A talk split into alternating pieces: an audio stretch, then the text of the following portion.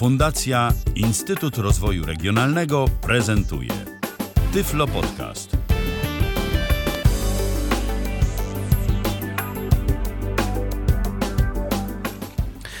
A tymczasem mamy, w zasadzie kończy nam się 12 dzień listopada, a zaczyna się 12 audycja y, Tyflo Przegląd. Dzisiaj jest nas troszeczkę. Jest Kasia Ślipek, y, jest Mikołaj dobry, witam. Kołysz, jest Michał Dziwisz, Dobry jest wieczór. Piotrek Malicki y, i jest też Robert Łabęcki. Dobry wieczór. I Jestem ja, czyli Tomek Wilecki. Nie ma dzisiaj Pawła Masarczyka. y, Zmogła go choroba, ale co tam, choroba się skończy i Paweł do nas pewnie dołączy za tydzień. Jak zwykle. Ym, I cóż, i oczywiście mamy dzisiaj y, dość sporo różnego rodzaju nowości. Najpierw może y, to, co się działo między audycjami, czyli y, generalnie komentarze pod audycją, bo ich mamy kilka tutaj wypisanych. Mm, Aga, testowałam system TotuPoint na światłach w Chorzowie w czwartek na ulicy Siemianowickiej. Bardzo mi się podobało działanie tego systemu, jak i prostota jego użycia. Póki co to są jedyne takie światła w całej Polsce. Polega to na tym, że zamiast naciskania fizycznego przycisku znajdującego się na światłach, za pomocą którego możemy wywołać zielone światło, naciskamy wirtualny za pomocą aplikacji TotuPoint w sposób zdalny. Dostajemy też informację głosową, że ów przycisk został naciśnięty. Sam znacznik jest wbudowany w mechanizm świateł. W projekt zamontowania takiego rozwiązania zaangażowała się prywatna firma ZIR, czy ZIR, nie wiem, chyba ZIR. Mam szczerą nadzieję, że pomysł się rozpowszechni, y, bowiem to rozwiązanie jest bardzo wygodne. Po pierwsze, dostajemy informację, że mm, na sygnalizacji świetlnej znajduje się przycisk.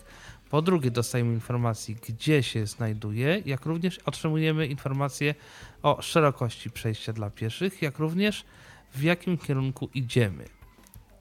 Y, W jakim kierunku będziemy przechodzić na drugą stronę oraz nazwę ulicy, którą będziemy przekraczać. Po trzecie, nie musimy szukać przycisku i przy okazji wycierać całego brudu ze słupka, na którym jest przycisk.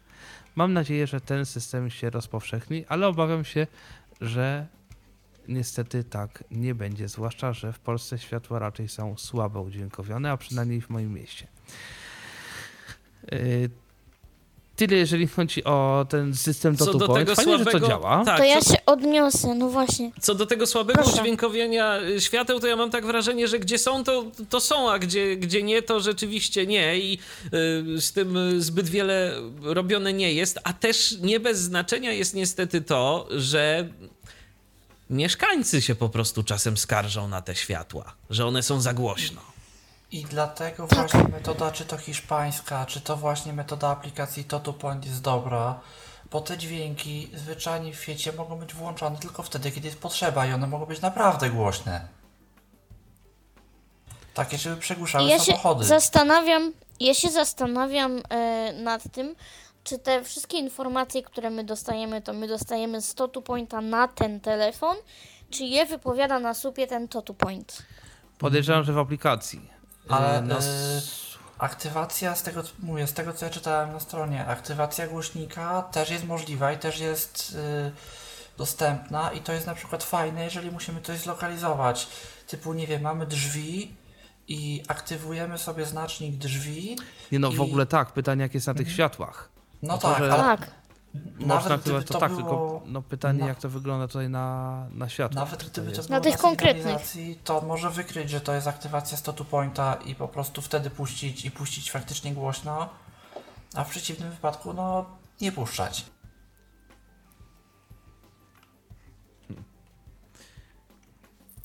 No, zobaczymy. Mhm. E, dobra. E, to nie koniec jeszcze komentarzy. Mamy jeszcze jeden komentarz. Robert, Robert Domagalski napisał. Witajcie. Mam znowu kilka spostrzeżeń, jeśli chodzi o miniony odcinek Cyfroprzeglądu.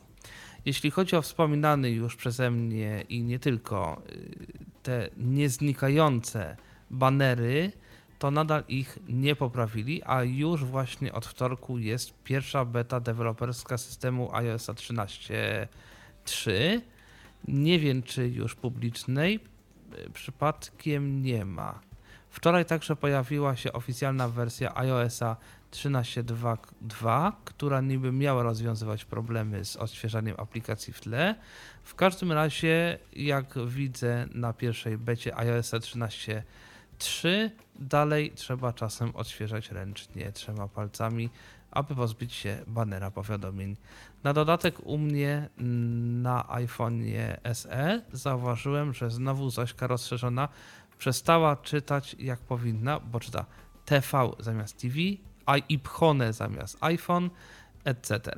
Co zatyczy się aplikacji Envision, to niestety, ale u mnie można zaobserwować bardzo mocny drenaż baterii, gdy się ją używa, bo wtedy bardzo mocno się telefon nagrzewa, a już pominę fakt, że aplikacja jest nie do końca spolszczona, przynajmniej i tak jest przy miesięcznej subskrypcji, dlatego tę subskrypcję anulowałem, a samą apkę odinstalowałem. Bardziej wygodna aplikacja do rozpoznawania OCR, tu mam na myśli szczególnie zdjęcia na Facebooku, to jest aplikacja, aplikacja Voice, która chyba jest, Jest taka aplikacja, owszem. płatna, ale była jeden dzień, a, ale był jeden dzień, kiedy była za darmo do pobrania i link był do niej na, Facebooku, na facebookowej grupie Dostępność Apple. Aplikacja jest po angielsku, ale ma możliwość rozpoznawania polskich tekstów i bardzo dobrze radzi sobie z polskimi znakami, czego nie mogę powiedzieć o Sync AI, gdzie najczęstszym błędem jest zamienianie literki EU na T. I na przykład zdanie życzę mi tego dnia zamiast miłego dnia. Kolejna sprawa to okulary, o których była mowa przy wstępnym omawianiu rechy. Tu nie trzeba nigdzie stukać, tylko trzeba patrzeć w dane miejsce, a synteza wygłosi na przykład kobieta stoi przed tobą. Co zaś tyczy się nowości od Apple'a, to nieustannie czekamy na jedyną nowość, gdzie w końcu Siri przemówiłoby w naszym języku, a i to sterowanie głosowe nowoczesne, które jest dostępne od iOS 13, też by mogło obsługiwać polski język. No i ostatnia rzecz to ta y, stronka do przesyłania plików. To może być też bardzo ciekawa alternatywa, bo nie będzie wtedy problemów z wysyłaniem komuś mailem długiego załącznika, no ale to jest niestety wada tego, że musi być dana przeglądarka otwarta. Jednak prościej jest komuś puścić linka i gotowe, i ktoś sobie dany plik pobierze z chmury, ale też nie wszyscy muszą posiadać jakąś tam chmurę, to wtedy sobie w taki sposób mogliby przesłać plik. No to pozdrawiam w takim razie wszystkich i życzę miłego piątku, jak i wspaniałego weekendu. Komentarz czyli był pisany y, przed weekendem. I jeszcze tylko dodam, że serwisy, które pozwalają na w miarę duże pliki, przesłanie w miarę dużych plików i nie wymagają rejestracji, no to jest chociażby WeTransfer, tak? który, czy WeTransfer, który jest po prostu zasadzie... standardem już w dzisiejszych czasach, y, szczególnie Dokładnie, w branży naprawdę mediów. masa osób przesyła różnego rodzaju pliki na to, to można chyba do 2 giga albo do jednego przesłać plik, więc dość duży jest też taki serwis reguły... From Smash, yy, który pozwala na przesyłanie chyba jeszcze większych plików.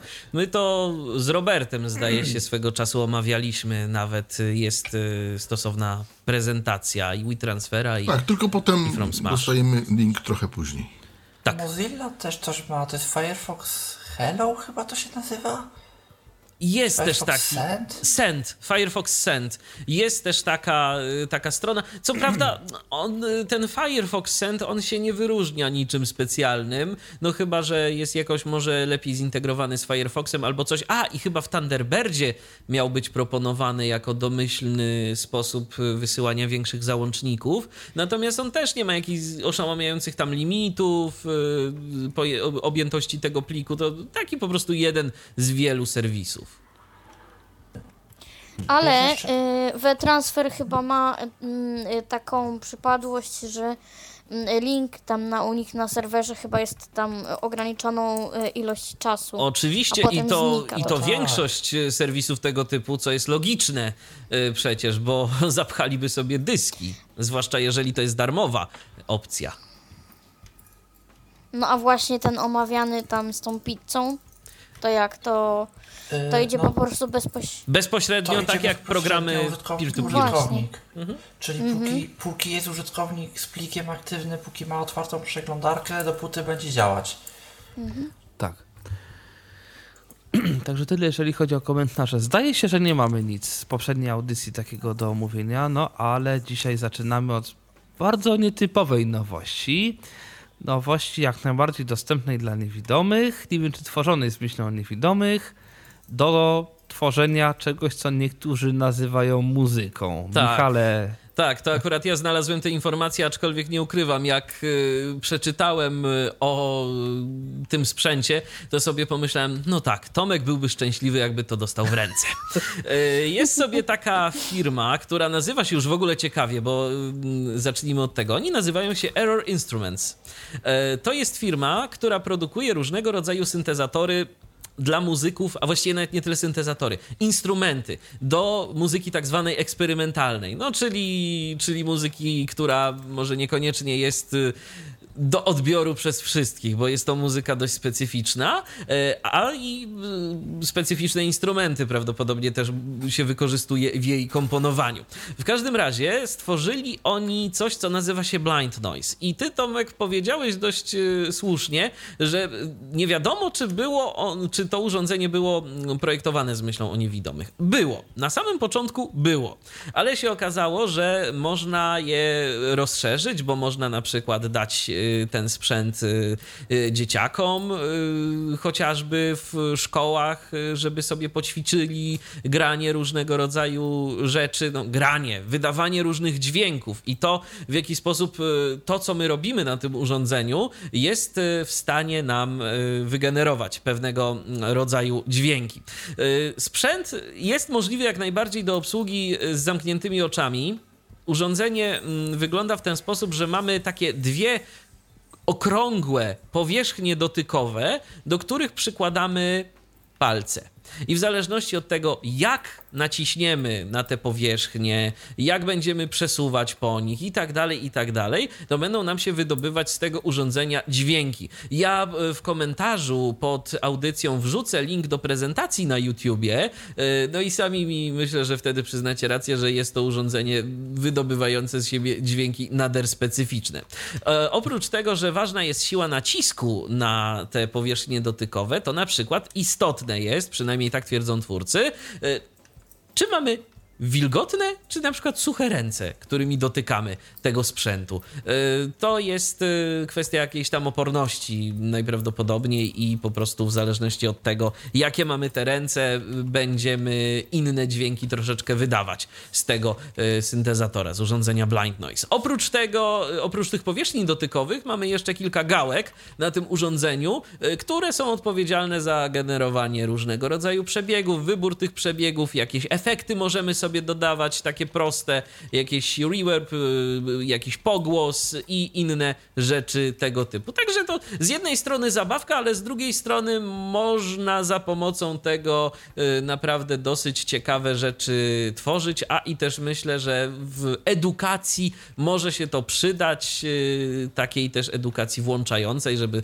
na przykład jeżeli mamy klasę tak zwaną integracyjną, że mamy osoby niewidome, mamy widzących, to też można to tak fajnie pokazać, że o proszę, macie teraz wszyscy sprzęt, który można y, z zamkniętymi oczami obsługiwać i spróbujcie się pobawić. Interesująca rzecz. Ceny nie znam. Fajne. No ciekawe. Może kiedyś zobaczę. I zrobię mm. Tyflo Podcast. Ha, ha, ha. E, a tymczasem od przyszłego roku nie trzeba będzie tak dużo latać po różnych instytucjach, załatwiając sobie mm, sprzęt medyczny z dofinansowaniem NFZ-owym, czyli z tego co wiem, laski również. Bo teraz to wygląda, przypomnę, w ten sposób, y, że idziemy sobie do lekarza, załatwiamy zaświadczenie, z tym zaświadczeniem idziemy do NFZ-u, z tym y, podbitym zaświadczeniem idziemy do sklepu i tam kupujemy laskę. Teraz etap z NFZ-em będzie pominięty i jakby to, to robi się u NFZ, w NFZ-ie robimy teoretycznie u lekarza, mm, u którego będziemy to wszystko załatwiać. I to jest dobre z kilku powodów. No po pierwsze jest mniej latania, po drugie bywało podobno, że y, lekarz błędnie coś wypisał, czyli, y, czyli pacjent sobie szedł od lekarza do NFZ-u, potem znowu do lekarza, potem znowu do NFZ-u i dopiero potem do sklepu. Jeżeli to się wszystko rzeczywiście tak y, ułoży, jak to zapowiadają, no to od przyszłego roku będzie wystarczy, że pójdziemy sobie do lekarza i potem od razu do sklepu, bo wszystko lekarz teoretycznie załatwi. No. Ale to się tyczy wszystkich sprzętów y, medycznych, czy nie wiem, rurki tracheostomijne też? Nie wiadomo. No podobno, podobno nie pisali o tym, żeby były jakiekolwiek wyjątki. Ja słyszałem mhm. jeszcze inne wieści, to bardzo niepokojące.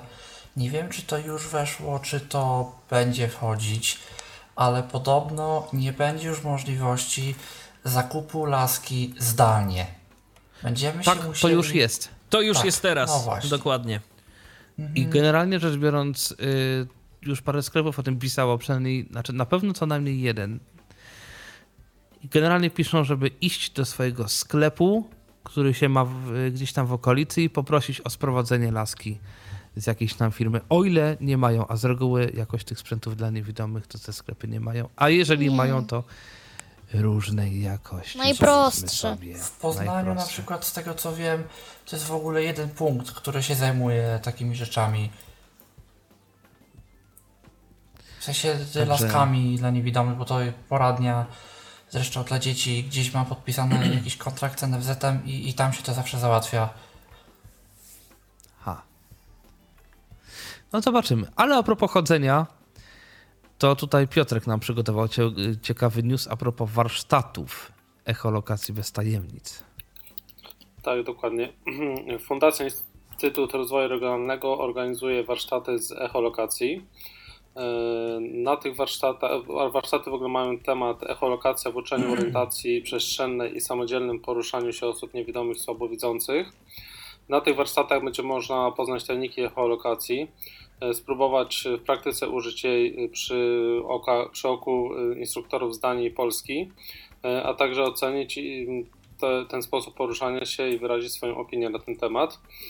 E, spotkanie odbędzie się 15 listopada w Krakowie e, od godziny 11 do godziny 14. No niestety za późno znalazłem trochę tę informację, bo zgłoszenia były tylko do 4 listopada, więc bardziej tak podaję jako tą informację, ale myślę, że to jest ciekawe, że takie warsztaty są w Polsce e, realizowane z tej echolokacji, bo ta echo... No i niestety Piotra internet nie polubił. Piotra, ty internet Tylko, nie polubił. kurczę, mało Albo czasu. nasza wspaniała aplikacja. Co to jest? Albo nasza wspaniała aplikacja. Co to jest jeden dzień, o, jakby jeden Piotr wrócił. pół dnia nawet na, na, na poznanie echolokacji. Myślę, że to jest bardzo mało. Ja chciałem tylko powiedzieć, że miałem okazję mieć z czymś tego typu do czynienia. Oczywiście inna organizacja, inne miejsce i tak dalej, ale to było godzin bodajże 6. No, potencjał został pokazany. Myślę, że y, gdybym jakoś zainteresował się tematem i sam próbował bardziej, bardziej w to wejść, myślę, że mogłoby coś z tego wyniknąć. Że jakoś nie spróbowałem, no to, to nic nie wyniknęło. Ale no coś, coś można, myślę, że dla osoby zdeterminowanej po pokazaniu podstaw też myślę, że można by coś zrobić. To znaczy, wiecie, w ogóle tak naprawdę to, to, to jest to, co, o czym ja mówiłem na samym początku, że y, kiedy wyrzuciło mnie tu z serwera, że echolokacja, no ocze, oczywiście przez tych kilka godzin to ciężko nauczyć, ale przynajmniej pokazać jakieś takie no, podstawy, jak, mhm. jakoś tak w ogóle zajawić temat, no a potem, jeżeli kogoś będzie to interesowało, e, no to całkiem możliwe, że będzie mógł e, rozwijać swoje umiejętności chociażby za sprawą aplikacji mobilnej, y, która się tworzy, tworzy. Mowa o projekcie tak, Hovis, y, wspólnie z, właśnie z Transition Technology i y, Utilitią tworzymy te aplikacje. No i zobaczymy, jakie będą jej efekty. Myślę, że y, jakieś już wstępne przynajmniej będzie można za czas y, niedługi poznać. Także po tak, prostu tak, tak, pozostaje czekać. Natomiast też moim zdaniem, i trzeba o tym chyba powiedzieć, echolokacja e, chyba nie jest, bo to też było troszeczkę mm, powiedziane w mm, tym filmie Imagine. On troszkę to powykrzywiał, że tak powiem, ale mm, pamiętacie może tę scenkę, jeżeli, jeżeli, gdzie ten Jan uczył dzieci nalewać e, wodę do z czajnika do szklanki. Y, przy pomocy właśnie tak troszkę echolokacji, przy pomocy dźwięku i te dzieci wszystkie mm, przelewały ten, tę wodę. I mm, mi się nasunęło... Momencik, echolokacja to nie są wszystkie dźwięki jakby, to nie tyczy się na przykład nalewania tak naprawdę. Dokładnie, to jest umiejętność to... wykorzystania różnego rodzaju odbić od różnych przedmiotów i, tak. por, tak, i poruszania od, się. Tak. Troszkę co innego, to też jest dźwięk, Oczywiście, ale to nie jest to znaczy jedna, jedna rzecz, na Nie pewno... no, woda się odbija od szklanki, prawda? I wtedy... Ale to ale nie jest, to, nie jest jakby... to, Robert. Inaczej, tu się echolokacja może przydać w trochę innym kontekście, i to właśnie też nam pokazywał człowiek, który, który demonstrował przy okazji ICC w roku 2018, bo, bo właśnie tam miałem okazję uczestniczyć w warsztatach. Yy, tam na przykład człowiek pokazywał lokalizację naczynia na stole. Jeżeli mamy na przykład o. kieliszek mm-hmm. z winem i nie za bardzo chcemy gdzieś tam machać rękoma po tym stole, żeby czegoś nie przewrócić, to on jest w stanie sobie tak zakląskać, żeby mniej więcej wyczaić, gdzie się tenże kieliszek znajduje.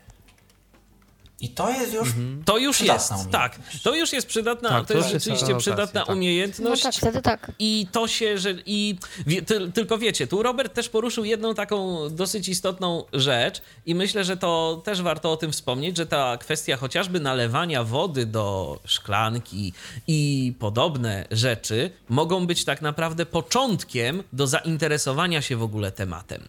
Bo okej, okay, pewne rzeczy, z pewnymi rzeczami jesteśmy sobie w stanie radzić na słuch, a potem, a co można z tego dalej? A jak można z tym pójść dalej? Bo. Znaczy, ja się w ogóle zastanawiam i tak w sumie jestem ciekaw, ilu niewidomych nie korzysta z echolokacji.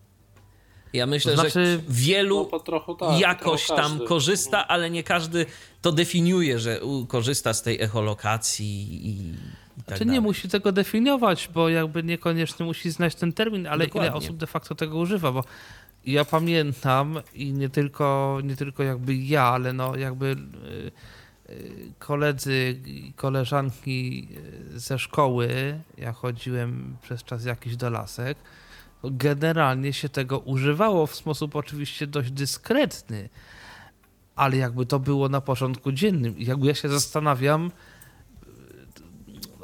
komu to się może przydać. Może z wyjątkiem osób y, ociemniałych. Y, to, to może wtedy rzeczywiście tak, ale, ale niewidomym to jest w sumie ciekawe, czy to się rzeczywiście jakby komuś faktycznie przyda. Słuchajcie, ale, nie, ja chciałem po prostu powiedzieć o tym, że echolokacja jest mm, sorry, że tak powiem, ale może, może bo nikt jakoś o tym nie mówi, jest dla tych osób, które mają dobry słuch, naprawdę dobry słuch pod względem pasma przenoszenia, jak i czułości.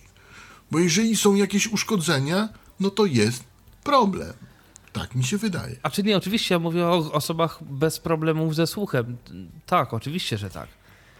Ja się zastanawiam nad jeszcze jedną rzeczą. Jakby na przykład, mm, oczywiście tego pewnie się nie robi, ale jakby zrobić takie badanie i na przykład uczyć dzieci mm, od małego echolokacji, tak, i, tak, nie, i na przykład drugą grupę nie uczyć dzieci mhm. i wtedy zobaczyć na przykład, czy, czy mm, te osoby, które osoby sobie bardziej, lepiej radzą.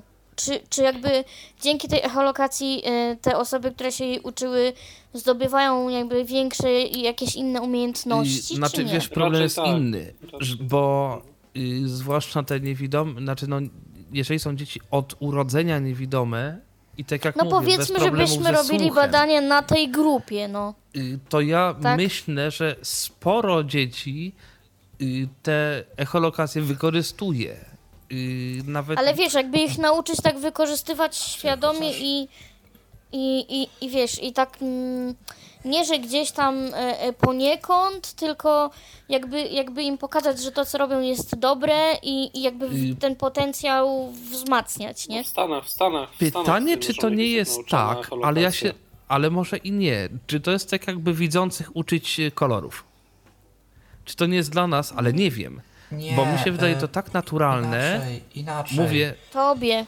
Człowiek, który pokazywał nam te echolokacje, mówił, że tak naprawdę echolokacja to jedno, a rzeczy, które my nazywamy echolokacją, a tak naprawdę to echolokacją do końca nie są, to drugie.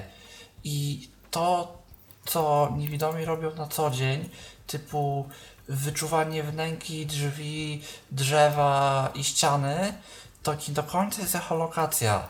Taka prawdziwa echolokacja jest wtedy, przynajmniej, przynajmniej tak twierdził prowadzący, kiedy my sami wysyłamy ten impuls przez, przez kląskanie, przez coś tego typu i my sami jakby odbieramy ten własny impuls i coś na tej podstawie robimy. A to jest pytanie, już jak w ogóle wyczuwamy, bo- ciekawe, y, ciekawe postawienie tego Bo ja zagadnienia. z reguły nie, jakby sam nie emitowałem z reguły dźwięków, albo nawet jeżeli, znaczy inaczej, emitowałem dźwięki, które każdy edytuje, typu kroki, Albo plus- nawet stuk, stu, stukanie laską, tak? To też jest jakiś to tam już w ogóle.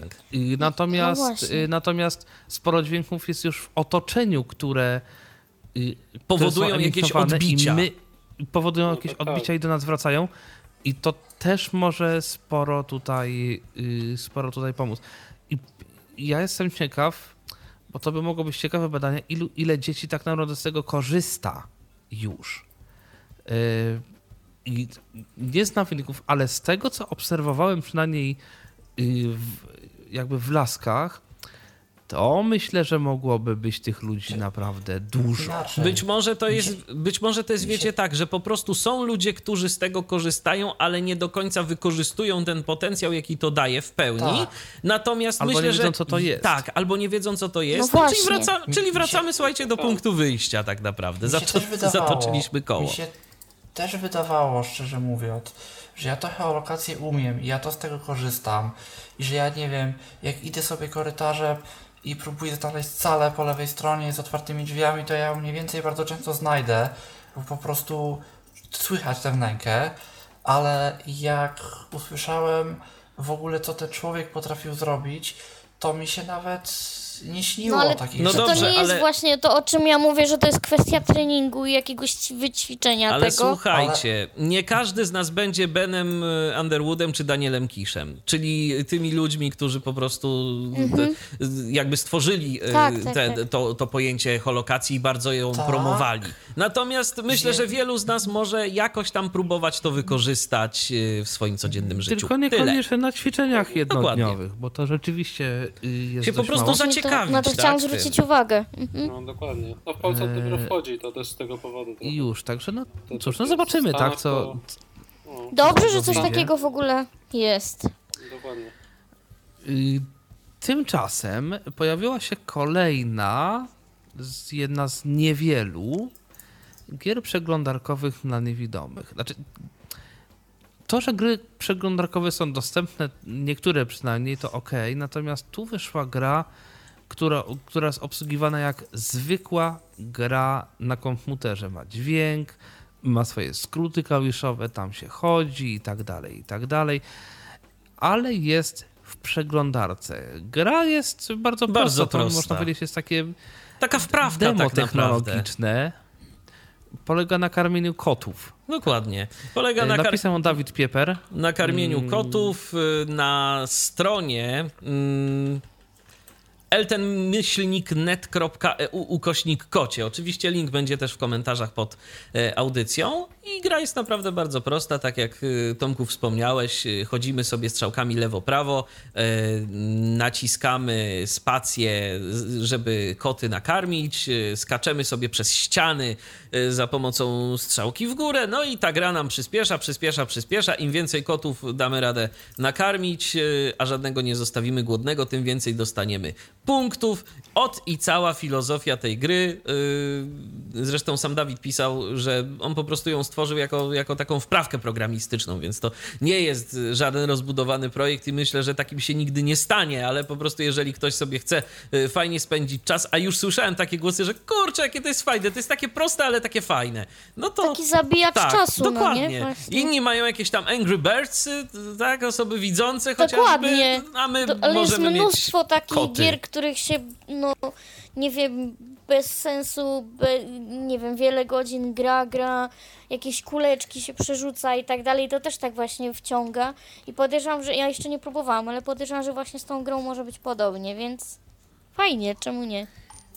Także miłego Ale- karmienia wszystkim. My w ogóle y, większość osób nie docenia potencjału, jaki w tych czasach dają technologie webowe co do, co do kwestii gier. To się No bo zgadza. teraz tak, y, mamy te wszystkie rozwiązania typu BGT, gdzieś tworzone dla niewidomych i tak dalej, ale to działa do pewnego momentu. Jeżeli ktoś chce wyjść poza i zrobić coś więcej niż to rozwiązanie oferuje, no to ma potem bardzo duży problem, bo to jest generalnie zamknięte na wszystko inne. A web to jest jednak dość potężny ekosystem, który jest wykorzystywany przecież przez widzących też i przez to jest do niego bardzo dużo różnych pakietów, pakiecików, bibliotek i innych podobnych i naprawdę wiele można w tym zrobić. Oczywiście wiadomo, tutaj padają zarzuty, że e, to głupota, C++ i tak dalej, bo widzący w webie gier nie robią. No, ano widzący w webie gier nie robią z jednego prostego powodu, im jest potrzebna grafika i zdecydowanie wyższe wymagania sprzętowe, nam nie. Ale, Dlatego ale, Mikołaju, Mikołaju, widzący w webie gier nie robią. A ile było kiedyś różnego rodzaju flaszowych gierek, w które to się ludzie zagrywali po prostu? A, Te no wszelkie tak, kurniki, nie kurniki, mm, różne No platformy pewnie. były do setki gier. i tysiące gier. Dokładnie. Y, I to właśnie to były takie też. małe zabijacze czasu. I nawet miały jakiś Tak, dźwięk. dokładnie. Natomiast taką grą, y, która też jest technologicznym demem, ale no, koncepcyjnie o tyle ciekawszym, że tam jest i dźwięk binauralny, efekty, cały system jakichś poziomów, zapisywania tej gier i tak dalej, to też jest bardzo prosta gra, ale, ale dość ciekawa. To się nazywa Cycle Path, Cyclepath, y, czyli jazda motorem. Znaczy generalnie jeździmy sobie motorem przez, y, tam mamy kilka do wyboru, y, no powiedzmy tras, ale i mamy mijać samochody. I ciekawe jest to, że im bliżej miniemy jakby w bardziej ryzykowny sposób, tym dostaniemy więcej punktów. Oprócz tego zbieramy pieniądze, za które możemy kupować nowe motory, y, odblokowują nam się w pewnym momencie nowe trasy, y, jest trochę dźwięków dookoła, całość jest binauralna, bardzo fajnie brzmi. Y, I to też jest y, gra przeglądarkowa. Grałem na Windowsie, grałem na. Próbowałem grać na Androidzie. Tam się gra przechylając telefon w odpowiednią stronę. Y, tylko, że to przechylanie różnie działa i jakoś u mnie to tak działało sobie. I trzymałem A ta pierwsza prosto. gra, ona ma oprawę polską? Ta pierwsza tak, bo to jest. Tak, to jest. Tak, to jest, to jest bardzo polska. prosta, bardzo prosta gra. Gość to chyba po prostu usiadł sobie pewnej nocy, I napisał. godzinkę wolną i Aha. napisał. Tam jest adres, przypomnij? elten-net.eu ukośnik kocie. Aha. Kocie. I, i, i, i, I jakby, no, te projekty pokazują, że da się, naprawdę da się i to będą gry multiplatformowe i jakby to wszystko, i to wszystko, wszystko działa. I, naj, I co najważniejsze, w związku z tym, że gra jest częściowo odpalana w przeglądarce użytkownika, to nie ma opóźnień jakichś ogromnych, bo, bo to dźwięk jakby jest pobierane wszystko, jakby cały kod programu jest odpalany lokalnie. Więc Tak, i to się wykonuje po stronie problemu. przeglądarki, więc po naszej stronie. Mm, Także. I to naprawdę Ja z jest w takich- stanie bardzo szybko działać i, i fajnie i, i, i naprawdę ma to Ja z sens. takich właśnie przeglądarkowych rzeczy. To już sporo czasu temu widziałem prywatne i niewydane prototypy, które podejrzewam, że już nie będą wydane, bo nic nie wiem o tym, żeby ten projekt się jakkolwiek rozwijał. Yy, FPS-a, czyli strzelanki właśnie binauralnej działającej w przeglądarce. To był, mówię, bardzo wczesny prototyp, ale można było sobie chodzić, można było strzelać i normalnie można było słyszeć, jak inne osoby chodzą i strzelają i są na mapce. Taki Counter-Strike dla niewidomych. Tak, tak, tak. Powiedzmy oczywiście. A swoją, Ale ja swoją mogę drogą... powiedzieć 123 834 835 telefon czynny? Czy Czynny, czynny, jak właśnie. najbardziej No czynny, właśnie, bo można dzwonić. o telefonie chyba ktoś zapomniał. A może ludzie chcą zadzwonić? To jak chcą ludzie zadzwonić, to mogą ludzie zadzwonić. Jasne. To dlatego powiedziałem. Swoją drogą, swoją drogą, tak a propos takich strzelanek, to pamiętacie, tak trochę historycznie, Quake'a y, z dodatkami y, audio. Oj tak, Oj się grało. było, tak. Z dobra, granatami. Gry grami, ale można powiedzieć, teraz mamy grę w realu.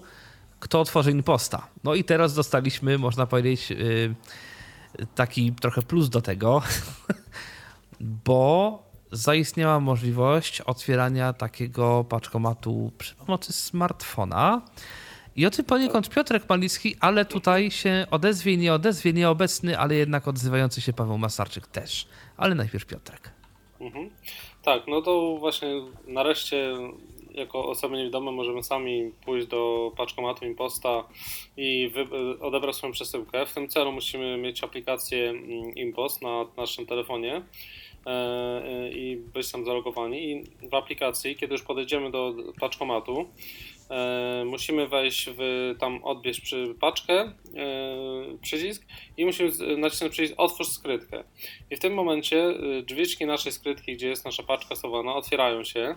I tutaj jedyny problem jest, żeby te drzwiczki znaleźć. Oczywiście można to zrobić przy pomocy słuchania dźwięku, ale wiadomo, że te paczkomaty są różne wielkości i w różnych miejscach hałaśliwych się one znajdują i może to stanowić pewien problem, a niestety jak zamkniemy niechcące drzwiczki ręką, to nie da się ich już drugi raz poziomu aplikacji otworzyć, więc tutaj No właśnie podobno się da. uważać. Da się? A Aha, to zaraz trzeba- zobaczymy, tak. bo Paweł a, to coś Y, czytałem po prostu na liście, nie próbowałem, że się nie da, że ktoś otwierał, właśnie się nie dało, ale może coś się, coś się zmieniło. Też ktoś widzący widział, że w ogóle jest napisane, że na przykład który rząd i, i które drzwiczki, ale nie wiadomo było właśnie jeszcze, co jest dla, e, dla mowy, mowy czytane, ale myślę, że to jest ciekawa, ciekawa rzecz, no i może tu jeszcze coś Paweł więcej o tym powie. Tak, mamy taką prezentację króciutką. Y, Pawła z nami dziś y, nie ma, bo choruje. Życzymy szybkiego powrotu do zdrowia. A teraz sobie posłuchajmy, jak można za pomocą smartfona otworzyć paczkomat. Okej, to jestem przed paczkomatem i właśnie za chwilkę będę odbierał moją paczkę. E, Inpost. Mobile. O. Otwarła się aplikacja. To jest moja przesyłka. Status gotowa do odbioru. Czeka na odbiór do SOP. Pionowa linia 9 listopada 2019. Pionowa linia godzina 10.43. Nadawca info. Małpa elkomer.com. Więcej. Dokładnie. I to jest moja paczka, którą dostałem. Wchodzę do ich szczegółów. Szczegół. Przejdź wyżej przy szczegóły przesyłki. Zarchiwizuj. Numer przesyłki. 6044. Status. Gotowa do odbioru. Czeka na odbiór do SOP. Pionowa linia. Nadawca. Nazwa przesyłki. Nadaj nazwę podkreślnik. Udostępnij przesyłkę przycisk. Odbierz przesyłkę jeszcze sprawniej. Otwórz skrytkę zdalnie przycisk. O, i jest przycisk otwórz skrytkę zdalnie. I teraz uwaga, chwila prawdy, bo stoję przed paczkomatem. Czy ja to ogarnę? Powinienem. Powinienem usłyszeć jakieś kliknięcie i któryś z tych rzeczy. To próbujemy. O, tu komunikat. Tak. Otwórz przycisk. Okej, no to potwierdzam.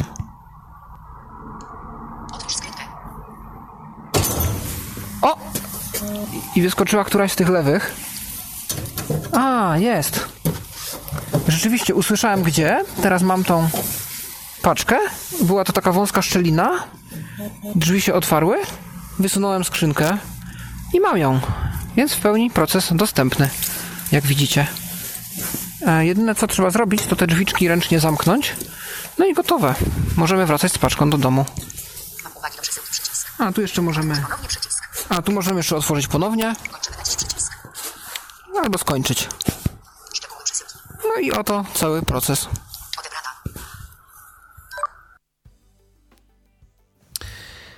No, także teoretycznie jest otwórz, za to nie widać numeru, znaczy tego rzędu i tak dalej. Tak, No. tak.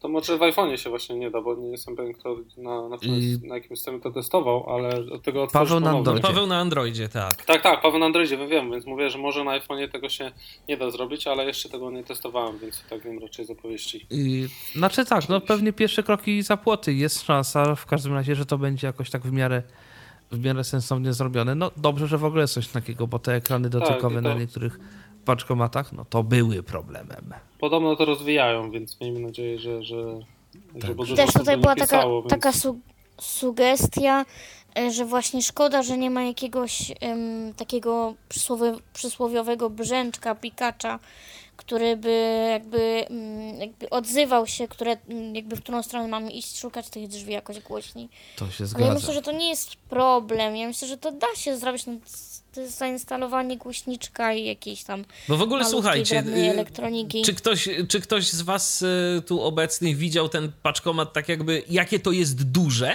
urządzenie? Są różne. Znaczy, różne Bo są, to zależy- są takie podobno, co mają 15 metrów szerokości czy coś, bo są takie wielkie, że naprawdę jest ciężko znaleźć. Oj, to takie, faktycznie, że to się, to, się trzeba trochę, to się trzeba trochę nabiegać. słyszałem. I mnie zastanawia też Tak. jedno, bo na ile ta skrytka, na ile ta skrytka mocno nam się wysuwa, jakby łatwo jesteśmy w stanie ją Właśnie. odnaleźć, bo y, to jest też pytanie, tak? Czy I ja też słyszałem takie głosy, że jeżeli za mocno tymi rękoma machamy, to możemy po prostu zamknąć przez przypadek. Na szczęście jest No przycisk pewno, otwórz ponownie. W Androidzie. No, Mhm. w Androidzie na pewno tak. Wiem, że kiedyś ludzie dzwonili właśnie do, do Inpostu i, i prosili, żeby im jeszcze raz otworzyć tę skrytkę, bo, bo właśnie bo zamknęli. No cóż, zobaczymy, y, jak to wygląda w praktyce. Możliwe, że teraz coraz więcej osób będzie z tego korzystać. Zobaczymy, co się tego Ale potencjał urodzi. jest. Dokładnie. Potencjał jest to najważniejsze. Natomiast teraz znowu wracamy do muzyki i nowość dla muzyków, ale takich prawdziwych muzyków. Dla tych, co piszą. Michał? Dla tych, co piszą Tak. różnego rodzaju nuty, komponują, tworzą i chcą y, później y, mieć to ładnie elektronicznie, wszystko zapisane. E, no cóż. Y, jest taki program MuseScore, e, którego zresztą prezentację w Tyflo Podcaście też mamy. To Piotr Żołądek e, na jego temat nagrał audycję swego czasu. No i część rzeczy można było e, w tym MuseScore zrobić za pomocą czytnika ekranu. Teraz się ukazała wersja 3.3, która to, zdaniem twórców, zdecydowanie poprawia dostępność. I oprócz tego, że można y, gdzieś tam sobie zapoznać się z y, tym zapisem nutowym, który mamy, to ponoć też zostało znacznie poprawione wprowadzanie nut. Yy, Więc y, można je też wybierać jakoś tam z palety. Została poprawiona też y, współpraca z czytnikiem NVDA. y, Została zredukowana nadmiarowość komunikatów, bo to się rzeczywiście zgadza, że tam w tym MuseScore to czasem aż za dużo gadało, a w pewnych miejscach, gdzie człowiek nie chciał, gdzie, gdzie człowiek chciał, to nie gadało. Więc myślę, że jeżeli ktoś y, potrzebuje tego typu narzędzia, to warto, żeby sobie potestował najnowszą wersję MuseScore'a. Ponoć dostępność jest poprawiona. Zwłaszcza, że to jest program darmowy. Jest darmowy, owszem. I co ważne. open source, Tak, także. tak, open source. I co ważne, on potrafi wymieniać y, te kompozycje z różnego rodzaju innymi programami, bo wspiera ten tak zwany Music XML, więc jeżeli na przykład y, chcielibyśmy naszą twórczość y, później komuś podesłać, a on korzysta z jakiegoś takiego jeszcze bardziej zaawansowanego programu A tak, w rodzaju są, Sibeliusa. A to jest rzeczywiście z tego co innych, wiem, to... takie, takie wszystkie te programy typu właśnie Final czy Sibelius, one potrafią ten Music XML importować, drukować ładne nutki i tak dalej, i tak dalej i to jest y, generalnie no, do, taki standard, z którego no, ponoć faktycznie się korzysta i jakby da się to Owszem. da się robić. To teraz będziemy w pewnym sensie nie korzystać i nie patrzeć. Coś o tym Piotrek Malicki. Tak, y, to jest sytuacja, która mi się zdarzyła niestety wczoraj. Y, Pamiętacie pewnie, jak tydzień temu mówiłem, że kupiłem sobie nową laskę Advantagę aluminiową składaną. No i szedłem sobie wczoraj z tą laską na dworcu centralnym w Warszawie, y, po liniach prowadzących, które tam oczywiście pomagają w poruszaniu się nam. Y, No i na środku oczywiście jak zwykle stały różne osoby, tak, tak dalej. Musiałem tam przeprosić, przechodziły i tak dalej. Więc tutaj to jest pierwsza rzecz, że te osoby właśnie stoją na tych liniach po prostu i nie dają nam spokojnie e, przejść tak powiem do przodu, tak? Gdy po bokach jeszcze jest dużo miejsca i, i po prostu mogłyby iść, tylko właśnie ludzie zazwyczaj na tych liniach, po tych liniach chodzą, albo kiedyś naciągnęli walizki, nie wiem jak to teraz jest, czy się to już zmieniło, ale nie to było najgorsze. Przyszedłem, przyszedłem e, właśnie już tych ludzi, już miałem pustą, że tak powiem, tą linię i idę i nagle ktoś przeszedł mi drogę, potykając się o moją laskę. Po czym po 15 sekundach zorientowałem się, że ta laska jest skrzywiona. I niestety moja nowa laska, którą kupiłem półtora tygodnia temu, w tej chwili nie nadaje się do użytku. Wyprostować raczej też się nie da, bo to jest aluminium i nie wiadomo, czy to będzie pękło i w ogóle ciężko to ruszyć. E, No i w ten sposób właśnie, że ludzie widzący nie patrzą pod nogi, muszę kolejny raz wydać ponad 100 zł, żeby kupić e, białą laskę. Żałuję niestety tego, że zorientowałem się tak późno, że ta laska jest, y, że tak powiem, jest tak, tak właśnie tak się stało, y, bo bym po prostu tą osobę złapał, no i powiedział, bo tak, nie wiem, poprosił o jakieś wyjaśnienie albo nawet o, o pieniądze na laskę, no bo no wiadomo, laski nie są tanie i tym bardziej, to była nowa laska. No więc to nie tak, są tak, tanie tak, tak Nie tutaj. mówić o to moje Revolution, to przez ostatni ponad rok, jak to było używane, to już chyba z 5 czy 6 osób zdążyło wywalić i laska jak była, tak jest. Aha, jakiej firmy? Revolution. Evolution, bodajże. czyli Advantage. A ty co masz, Aha. Piotrek? I Advantage też, aluminiową. Właśnie jestem Ale- ciekaw, jakby się grafitowa w tym przypadku zachowała. Co jest aluminium? Ja Chyba wiem, nie. grafit, ja wiem, grafit z reguły Mhm. albo się wygina i powraca, albo pęka. Aha. Aha. I bywa tak, że aluminium wytrzyma, tylko się zegnie i grafit czasem się na tyle aż zegnie, a czasem się zegnie i i się nie Czyli nie ma idealnego rozwiązania. Y, Nie, idealnego się rozwiązania nie ma. Y, To znaczy tak, inaczej. Generalnie z laskami jest problem, bo one są albo ciężkie i mocne, albo lekkie i słabe. Nie wiem, jaki jest tak. advantage. Y, Tak w ogóle jeszcze kiedyś testowałem taką laskę, która była ciężka i słaba. E, Mhm. To ponoć się ta firma jakieś Aston nazywało, to na Allegro widziałem za 90 zł. Kupiłem no to i to jest po prostu jakaś ruina. Jest to strasznie ciężkie, jest to strasznie słabe, to można w rękach giąć. Generalnie to jest takie O, No tak. sobie. ja jeszcze chciałam powiedzieć odnośnie mm, tego, że o, odnośnie ludzi i prowadnic. Mm, I ja miałam taki przypadek, że szłam sobie z koleżanką ze studiów i właśnie szłam po prowadnicy i ona mówi, no ale po co to tak właściwie? Ludzie po prostu nie wiedzą, do czego... Oni nie robią wam, nam tego złośliwie, oni po prostu nie wiedzą, do czego to służy. No to Nie tak, ma dokładnie. takiej kampanii ani niczego takiego, bo No, o ile no ktoś ci się pod laskę werżnął, no to jakby jasne. No ale to, że ludzie sobie na tym stoją albo nie wiem, no idą, no to oni Ale, naprawdę, niektórzy naprawdę nie wiedzą do czego to jest. I ale na centralnym nasza są rola, informacje. Na centralnych chyba są jakieś informacje są- tych walizkach właśnie. Co ciągnęli ludzie, więc...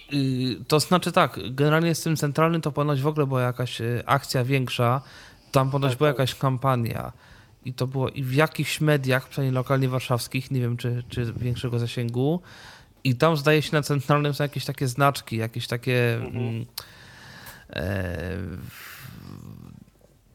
no jakieś takie, Chyba jakieś takie obrazkowe coś. tak, albo z laską. Coś ogóle No na- zdaniem natomiast wy mówicie, że nie ma- Ale problem jest bardziej ogólny, bo widzący zwyczajnie w świecie nie patrzą, gdzie idą. Dokładnie. bardziej Tak, interesuje to prawda. Facebooczek, telefonik, oczywiście, i inne podobne aplikacje, a nie droga. I no mi tak pan jeden Ja załatwił też. coraz częściej mi też. spotykam z czymś takim, że idę sobie gdzieś korytarzem i po prostu jakby nigdy nic. Ktoś biegnąc wbiega mi na laskę. Już mi w ciągu ostatnich paru miesięcy kilka razy się właśnie tak zdarzyło, że laska się znalazła na drugim końcu korytarza, po prostu mi wyleciała z ręki. Yy, człowiek się znalazł na ziemi, bo się o tę laskę przewrócił i tylko było, o Boże, przepraszam, na szczęście lasce się nic nie stało. Natomiast No tak, mówicie, że nie ma rozwiązania idealnego. No ponoć jest, tylko że troszkę drogie. Firmy y, Com, Com de Derenda z tego No, no, aluminium lotniczego. Na ile to, lot, a, na ile to aluminium jest dobre, to nie wiadomo. No. Mnie to strasznie kusi, jest. powiem wam szczerze. Ja wiem, że to jest drogie. Jak nie wiem, bo za laskę dać 7 stów, no to jest trochę dużo.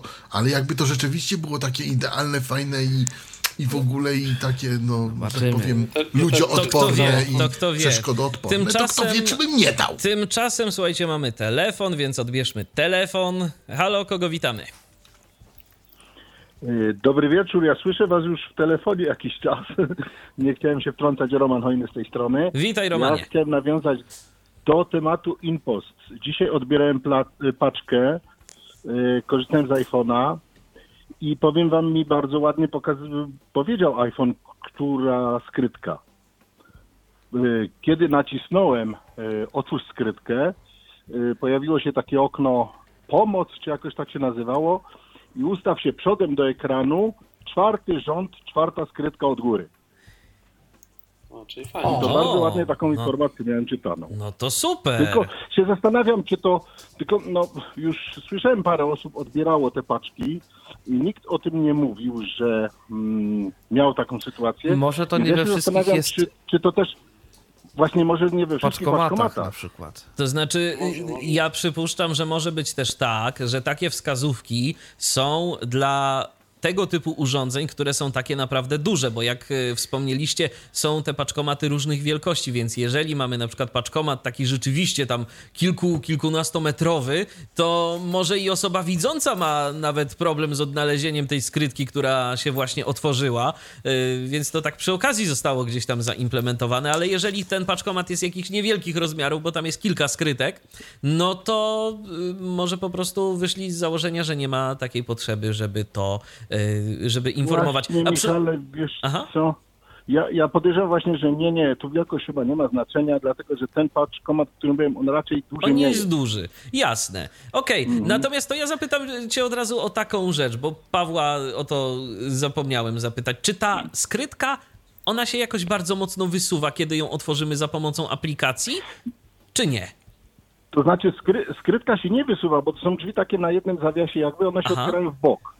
One, ale okej, Stricte słychać dosyć wyraźnie, słychać i, on, i one się, no powiedzmy, odskoczą, to pewnie, wiesz co, podejrzewam, że jedna odskoczy więcej, druga mniej, bo wiesz, jak te zawiasy są naoliwione, jak jest tam sprężyna przy zamku, to pewnie od tego może zależeć. jasne, bo właśnie o to mi chodziło, razie- czy my gdzieś Ale tam... czy to nie jest coś takiego jak, nie wiem, szafki przy basenach, które, nie wiem, na czytnik działają i Halo, halo? po prostu jest Jesteśmy, takie pyk jesteśmy. i on jest taki rodzaj odbicia tego?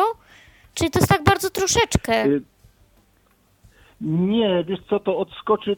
Ja wiem, no trzeba się postarać może, żeby to zamknąć. Mnie się kiedyś udało zamknąć skrzynkę tak z rozpędu, machnąłem ręką jak, nie, nie wiem, mocno, ale to dawno i zatrzasnąłem skrzynkę. Właśnie, bo o to mi chodziło, czy my No, to- jesteśmy to w stanie bez jakiegoś większego problemu to namierzyć? sobie poradzili. Mhm. O to mi chodziło. No ja nie mam problemu, natomiast Okej. y, trudno mi powiedzieć, jakby było w sytuacji, kiedy bylibyśmy w miejscu, gdzie jest duży hałas na przykład. Mhm, no jasne. No w każdym razie te No, wskazówki, zobaczymy. yy, no jak dla mnie były bardzo fajne.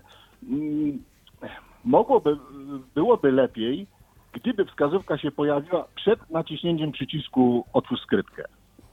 To już by było super. Zdecydowanie, bo wtedy można by się ustawić, y, gdzie trzeba i, Tak. i tylko sobie sprawdzić, czy, jest, czy wszystko jest ok. No ale No, zobaczymy. Jest, że, że, że już coś jest yy, na rzeczy, tak? Że coś się dzieje. Dokładnie. No.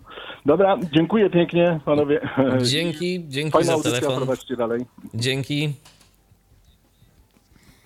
Tymczasem jest taka firma już od wielu lat, z którą zresztą, y, o której na pewno co najmniej jeden z naszych redaktorów słyszał, Tupperware. I podobno Tupperware ma swojego człowieka od dostępności, tylko chyba nie w Polsce. Mikołaju, coś? E, Tak. Mówili mi o tym ludzie z Belgii i to człowiek, który gdzieś tam właśnie współpracuje w tej kwestii. Y, Jak to dokładnie wygląda, o co dokładnie chodzi, nie wiem, ale coś mają działać w kwestii odnalezienia produktów, które mają się niewidomym przyczynić. nawet jakichś niby linii produktowych, które mają być właśnie osobom niewidomym przyjazne i, i coś w tej kwestii robić, nawet na przykład w kwestii gdzieś marketingu, gdzieś A moje pytanie jest takie, słuchajcie, a moje pytanie jest takie, Mikołaju, bo mówimy, że jest taka firma, ale czym oni się właściwie zajmują? Y, To są rzeczy kuchenne, jakieś takie tego typu przybory, jakieś Y, takie akcesoria pojemniki, kuchenne, jakieś rozdrobniacze, tak. jakieś- Tak. Jakieś tam... y, I, i oni, poka- oni pokazali parę naprawdę fajnych rzeczy. Y, Co oni na przykład pokazali? Pokazali urządzenie, do którego możemy w którym możemy umieścić y, różne rzeczy, że tak powiem, do pokrojenia na kostkę, urządzenie zamknąć, pociągnąć parę razy za sznurek i cała robota będzie zrobiona za nas. I nie musimy się przejmować, że nóż, że małe kawałeczki, że może w palec, że musimy sprawdzać i tak dalej, i tak dalej, i No tak ale dalej. to już było dawno i to nie jest jakoś, Pytanie, czy rozdrabniacze dostępne. mają jakieś nowe urządzenia do kostki? Do robienia w Yy, kostkę. co- nie, no, to Tego taki nie wiem. Rozdrabniacz bardziej chyba, mówię. No To rozdrabniasz, no to, to- to, ja to, to- to co my mamy? Wiesz co, No. ja podejrzewam, że tu bardziej chodzi nawet nie o to, że jest nowe, tylko że słuchajcie, Tylko, że my mamy jest. różne rzeczy, które się przydadzą Które się przydadzą. Tak, Tak, to się zgadza, tak. bo takie, Czyli rodz- po prostu marketing. bo takie, Kolejny marketing. Ale Bo takie rozdrabniacze, to ja pamiętam nawet i z początku lat 90., gdzie były te pierwsze reklamy takie, że pokręć korbką, a y, coś tam się zadzieje i będzie pokrojowa. Ale to jest trochę inne. Mhm. No, no okej, ale w każdym razie... Natomiast ja bym chciał tylko... Po... faktu, Aha. że gdzieś tam coś się dzieje i coś fajnego jest robione w tym wypadku. Jakieś, nie wiem, na przykład miski do, do gotowania na parze w mikrofalach, żeby się niewidomy nie musiał z kuchenką męczyć i garnków sprawdzać i tak dalej, i tak dalej, i tak dalej. No, Ale no, to jest tylko i wyłącznie rodzaj marketingu. Znaczy, tak, ale z nie o to jednej chodzi. strony... Czyli bo- to, co tak naprawdę prezent, y, pre, prezent, prezentować może e, każdy, tak? Bo, tak, bo to jest tak, tylko że grupowo kwestia jest się inna. to robi. Kwestia jest taka, że to jest kolejna duża firma, która zwróciła uwagę na problem osób na niewidomych. dostępność. Już Tak.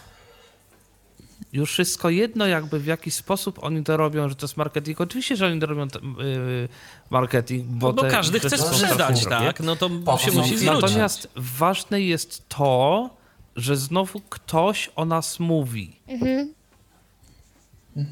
No tak, I wiadomo, I- i, ja i, też teraz, tutaj i, teraz też, i teraz też przecież wiadomo, można powiedzieć, no ale po co na przykład jakieś takie urządzenia, przecież gotować się powiedzmy można nauczyć, ale nie każdy umie, nie każdy chce, nie każdy ma cierpliwość i są, są różne A sytuacje. to naprawdę są rzeczy, na przykład jest cud kuchenny, który naprawdę jest w stanie ugotować, nie wiem, zupę, makaron i tak dalej.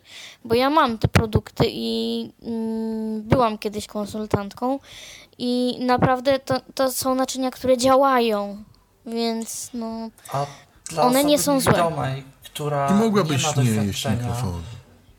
bo to, bo to właśnie dla osób niewidomych, które to, to akurat co było, było prowadzone, było prowadzone dla osób niewidomych, które miały kompletnie zerowe doświadczenie w kuchni. Ja na przykład w ogóle nigdy nie miałem zbytnio z tym do czynienia. I, I dla takich osób, które no nie za bardzo wiedzą, jak się obchodzić z tym wszystkim, to to są właśnie fajne rzeczy, bo, bo mogą ułatwić dużo. Ja tylko jeszcze przypomnę, a propos właśnie takich, takich rzeczy, bo nie tylko Tupperware robi, robi różne takie rozdrabniacze, jest masa, naprawdę masa różnych urządzeń, urządzonek mniejszych lub większych, niekoniecznie drogich, które mogą się w kuchni przydać. I trochę szkoda, że nie ma, chociaż może będzie, jakaś taka lista rzeczy, które się w kuchni, czy w ogóle w domu mogą nam przydać, bo coś za nas zrobią łatwiej. Bo są, jest kilka rzeczy w jakichś sklepikach typu y, te sklepiki Polskiego Związku Niewidomych, które na przykład jest w Warszawie. Tylko, że tam jest nie wiem, tych rzeczy 5 czy 6, czy nawet 10. Tylko jakby się tak po rynku rozejrzeć, to tych rzeczy, to tych y, różnych urządzeń można znaleźć i 400 y, róż, różnych, różnego rodzaju, do, do różnych, przeróżnych rzeczy. Mało od tego jest masa rzeczy, które niekoniecznie służą do tego, a mogą się nam przydać. E, Najprostszy przykład strzykawki, która może być świetnym narzędziem do odmierzania y, równej ilości płynów i to kosztuje grosze, można kupić w aptece i się przydaje y, dość często. Y, jak pewnie paru słuchaczy tych podcastów wie, mamy małe dziecko i swego czasu strzykawką nalewaliśmy taką dużą strzykawką typu 20-30 ml, nagrywaliśmy wodę do butelki takiej małej dla dziecka. E, wtedy, kiedy trzeba było dokładnie mierzyć i liczyć, ile to dziecko pije, ile wypiło, ile dostało i tak dalej, i tak dalej.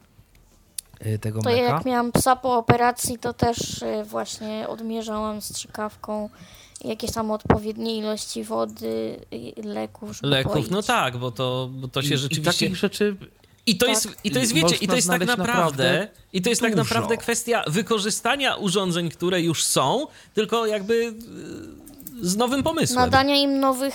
Ale Tak. nawet są urządzenia, które są i służą do, jakby do tego, do czego się ich używa. Y, Na przykład urządzenie, my mamy takie na ścianie u nas wisi, do, taki podajnik do folii aluminiowej albo tej folii do żywności.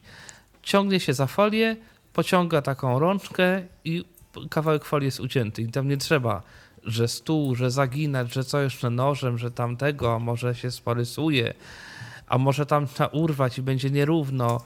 Zajmuje to dwie sekundy i jest proste, łatwe i fajne. I kosztuje to chyba Potwierdzam. 40 czy 30 zł.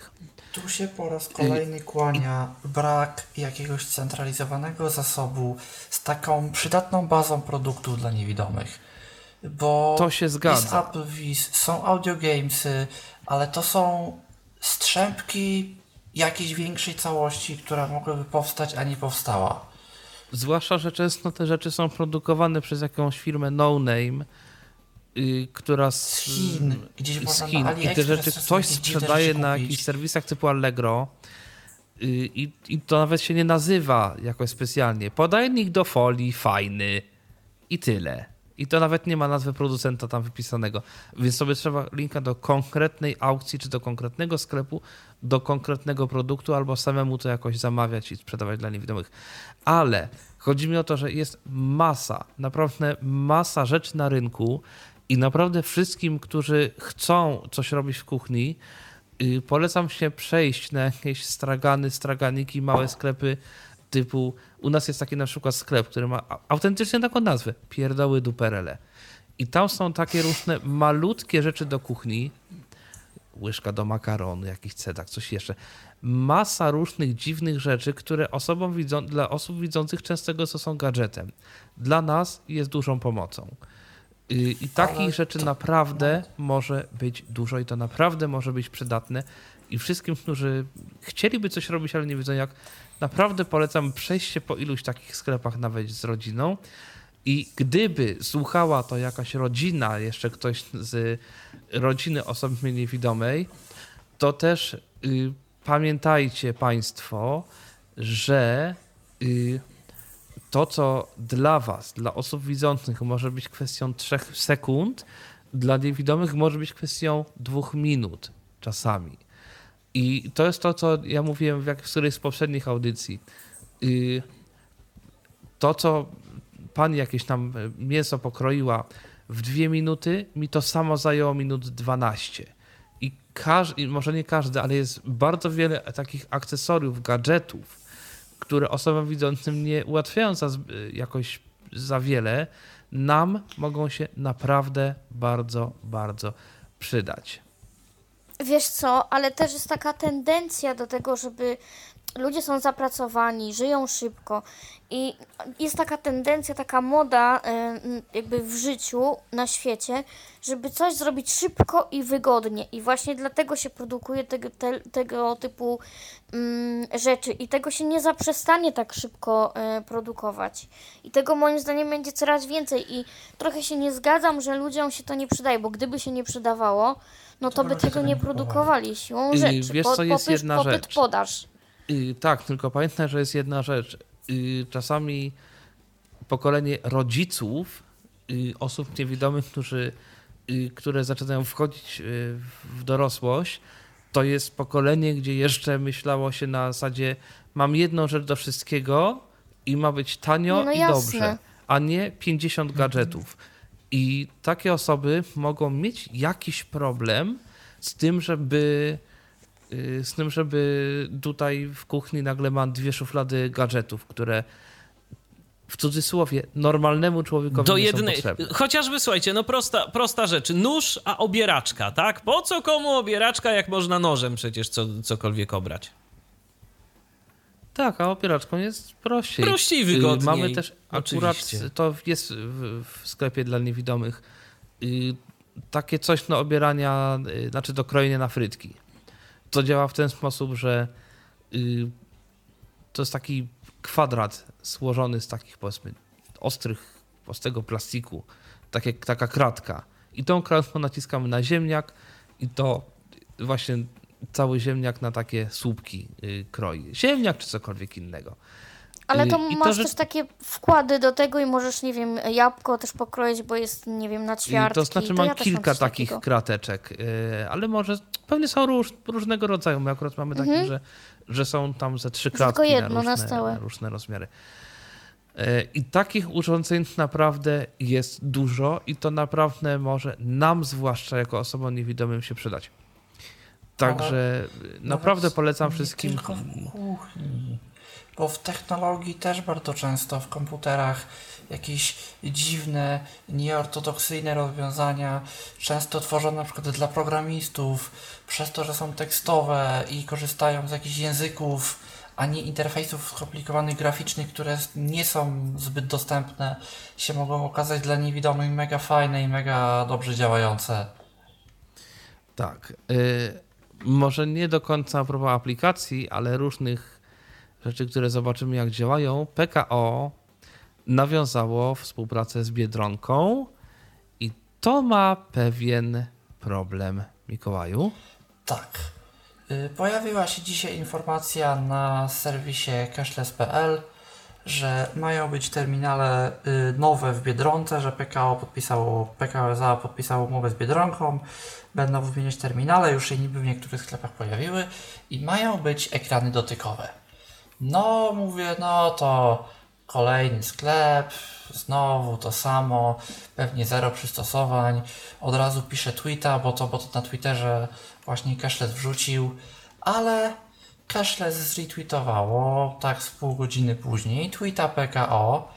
Jeden z użytkowników, też niewidomy, zapytał właśnie no mniej więcej o to samo i PKO odpisało, że terminale będą miały fizyczną klawiaturę do wprowadzania PIN-u, więc generalnie nie ma się czym przejmować.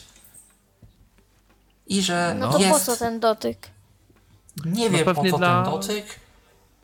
Znaczy, Może Że, może, żeby była, będą- wiecie, może żeby była alternatywa na przykład po prostu, albo ekran No może. dotykowy jako taka alternatywa. I to jest też całkiem niegłupie podejście tak z, z punktu widzenia użytkowania takiego urządzenia, bo przecież po to się stosuje ekrany dotykowe, żeby one były rozwiązaniem trwalszym.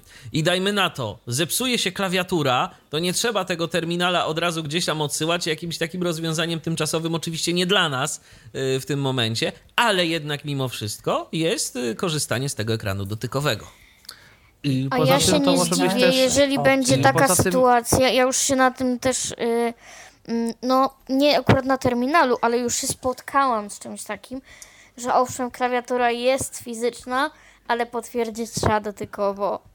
No, ale, Ale potwierdzić potwierdzić może już można-. Tak, ważne, żebyśmy my wpisali PIN, tak, bo to jest nasze. To, no tak, tak, dokładnie. Ale poza tym pamiętajcie, że kasjer też pewne operacje wykonuje na tym y, terminalu dotykowym. Mhm. Bo on tam musi uruchomić, pamiętać. coś zrobić, Jakieś tak nabić dalej. w ogóle Może- tam wszystko na tę kasę. wylogować się, zalogować się na kasę. Natomiast nie wiem, czy pamiętacie, ja mówiłem o tych bankomatach dotykowych PKO właśnie SA. Ja nie wiem, czy to jest tak, że Twitter Twitterem, a się obudzimy z bankomata, z, z tymi z terminalami dotykowymi. Też Całkowicie. nie należy zapominać o jednej rzeczy. W Biedronce od dłuższego czasu funkcjonują płatności w systemie Blik. I jeżeli chcemy, jeżeli nawet się okaże, że ten terminal nie będzie dostępny, to ja naprawdę bardzo zachęcam do przejścia do banku, w którym ten system funkcjonuje, jeżeli ktoś jeszcze w takim nie jest, bo to w tych czasach bardzo wiele kwestii ułatwia. Yy, swoją drogą O ile mamy pisałem- krótki PIN. Tak. Do Blika pisałem ostatnio właśnie w sprawie dostępności. Y, w ogóle do, dostać się tam do kogoś, do jakiejś osoby, z którą można się kontaktować, to jest problem, bo na ich stronie Polskiego Standardu Płatności, czyli firmy, która zajmuje się właśnie systemem Blik, y, są tylko dwa kontakty, kontakt, trzy właściwie, trzy mi się udało znaleźć. Kontakt dla mediów, kontakt do inspektora ochrony danych osobowych i kontakt dla firm, które chcą nawiązać współpracę. Ostatecznie napisałem na ten trzeci, dostałem informację, że wiadomość została przeczytana, potwierdzenie przeczytania wiadomości. Wiadomość wysłałem w środę albo czwartek i do tej pory nie dotrzymałem odpowiedzi. No może, bo do wszystkich napisać. Zawsze możesz próbować Myślę, tak, jak opowiadał o tym kiedyś Paweł, czyli polować na programistów na różnego rodzaju y, LinkedInach, GitHubach i innych takich. Też myślę, że tak zrobię. Jeżeli nie, pierwsze co spróbuję, to spróbuję właśnie napisać do ludzi z cashless.pl i zapytać, czy no oni, tak, oni mogą, oni mogą mieć już jakieś takie kontakty nieco bliższe, bo prawdopodobnie dość często y, z nimi tam współpracują. Zwłaszcza, że oni reagują, bo pamiętajcie, że były, była ta kwestia tych terminali dotykowych y, przecież. I też y, tutaj ktoś ze środowiska nam tutaj to nagłośnił i to też cashless.pl się tym zajął. Więc mam wrażenie, że oni jakoś tam się uwrażliwiają na ten, y, na ten problem i oni coś mogą w tej sprawie zrobić. Akurat oni. Mhm. Tak mi się coś wydaje. E, tymczasem na koniec dwie aplikacje dla niewidomych. Y, jedna na system Android, druga na iOS. To znaczy nie nowości, przynajmniej ta na Androida. E, ID EE-D. Taka aplikacja, która umożliwia, że parę osób zna do czytania e, do OCR-a, do rozpoznawania jakichś tam obiektów, teoretycznie nawet w wersji Pro do jakiejś bardzo prostej nawigacji, taki niby niezbędnik niewidomych, e, może mieć teraz pewne problemy, dlatego że oni się migrują na nowe serwery Amazona. Nie wiem, czy serwery, czy oni w ogóle nie zaczną korzystać z usług Amazona. Nie wiem, czy Amazon ma jakiś swój moduł OCR, tak jak Google, taki chmurowy? Nie wiecie. No w każdym razie, co by i nie było, to ID się, ID migruje na serwery. Ponoć ma być lepiej, fajniej, szybciej.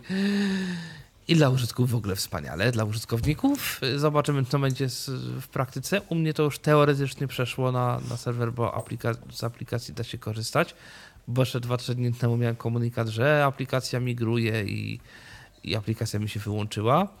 Także zobaczymy, co, co będzie. Y, natomiast y, aplikacja druga, o której dzisiaj y, mówimy, na iPhone'a, też o tym Mikołaj, o Wallet. Tak, to jest aplikacja oczywiście w iPhone nie wbudowana. Znamy ją z tego, że trzymamy tam karty w Apple Pay, ale może niewiele osób wie, nie wszyscy wiedzą, że możemy w tej aplikacji trzymać nie tylko karty do Apple Pay. Są aplikacje, niestety żadna z polskich kolejowych, z tego co wiem, z tym nie współpracuje, które są w tej aplikacji Wallet w stanie przechować, przetrzymać wszelkiego rodzaju bilety, karty pokładowe i inne tego typu rzeczy. Dlaczego to jest fajne. Jeżeli ktoś kiedykolwiek korzystał ze Skycasha, to myślę, że ma doświadczenie, ile się trzeba napiedzić, jak konduktor przyjdzie i trzeba mu bilet pokazać. Bo trzeba otworzyć apkę, trzeba znaleźć przycisk, znaleźć bilet, a jak się jedzie ty, mm, pociągami po prostu jeden po drugim, to tych biletów też tam się kilka pokazuje, otworzyć, pokazać i tak dalej, i tak dalej, i tak dalej. Tymczasem wallet jeżeli jakaś aplikacja go wspiera, on wie mniej więcej na podstawie lokalizacji, na podstawie czasu, gdzie my jesteśmy i on, on nam na ekranie blokady nad w ogóle wszelkimi powiadomieniami wyświetli powiadomienie jakby dodatkowe, klikamy w to powiadomienie i od razu mamy wyświetlone to, co jak w danym wolecie, w danej karcie, bilecie, czymkolwiek jest dodane. Ja y, testowałem... To chyba podobnie u nas z Binką zdaje się tak działa. przynajmniej na Yy, Androidzie. Tam zdaje się też a? jest powiadomienie i Mhm. jeszcze nie, nie pamiętam, czy ja w nie klikałem, ale chyba to właśnie też podobnie działa, tylko one to na zasadzie daty wyświetlają.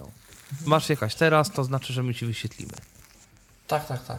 Bardzo możliwe. Y, Ja tymczasem testowałem Walleta z aplikacją Ryanair. Swoją drogą źle dostępna aplikacja, nie polecam, ale no musiałem, bo, bo akurat leciałem ostatnio i faktycznie było to niesamowicie, niesamowicie fajne. Biorąc pod uwagę ile razy przy, przy asyście, przy lotniskach, przy tym wszystkim trzeba pokazywać te, te boarding passy tak zwane i ile razy trzeba to wyciągać, to ja sobie szczerze mówiąc nie wyobrażam w tym momencie trzymania tego w plecakach, na jakichś papierach wydrukowanych. Yy, Po prostu to jest tak wygodne. Bierzemy tak naprawdę iPhone'a, klikamy, klikamy Home, czy tam przycisk blokady, klikamy w pierwsze powiadomienie, jakie mamy, czyli właśnie powiadomienie z Walleta i tak naprawdę widzimy już od razu wyświetlony konkretny bilet. On wie, że zbliża się czas, że jesteśmy na lotnisku, że to teraz, że to w tym momencie. A nawet jak nam się to nie pojawi, to możemy zrobić dwa razy home, żeby wejść w Apple Pay. Tam mamy do kliknięcia naszą kartę, klikamy w naszą kartę i w tym momencie wyświetlą nam się wszystkie karty płatnicze i wszystkie właśnie te dodane, nawet na przykład na ileś dni później yy, rzeczy.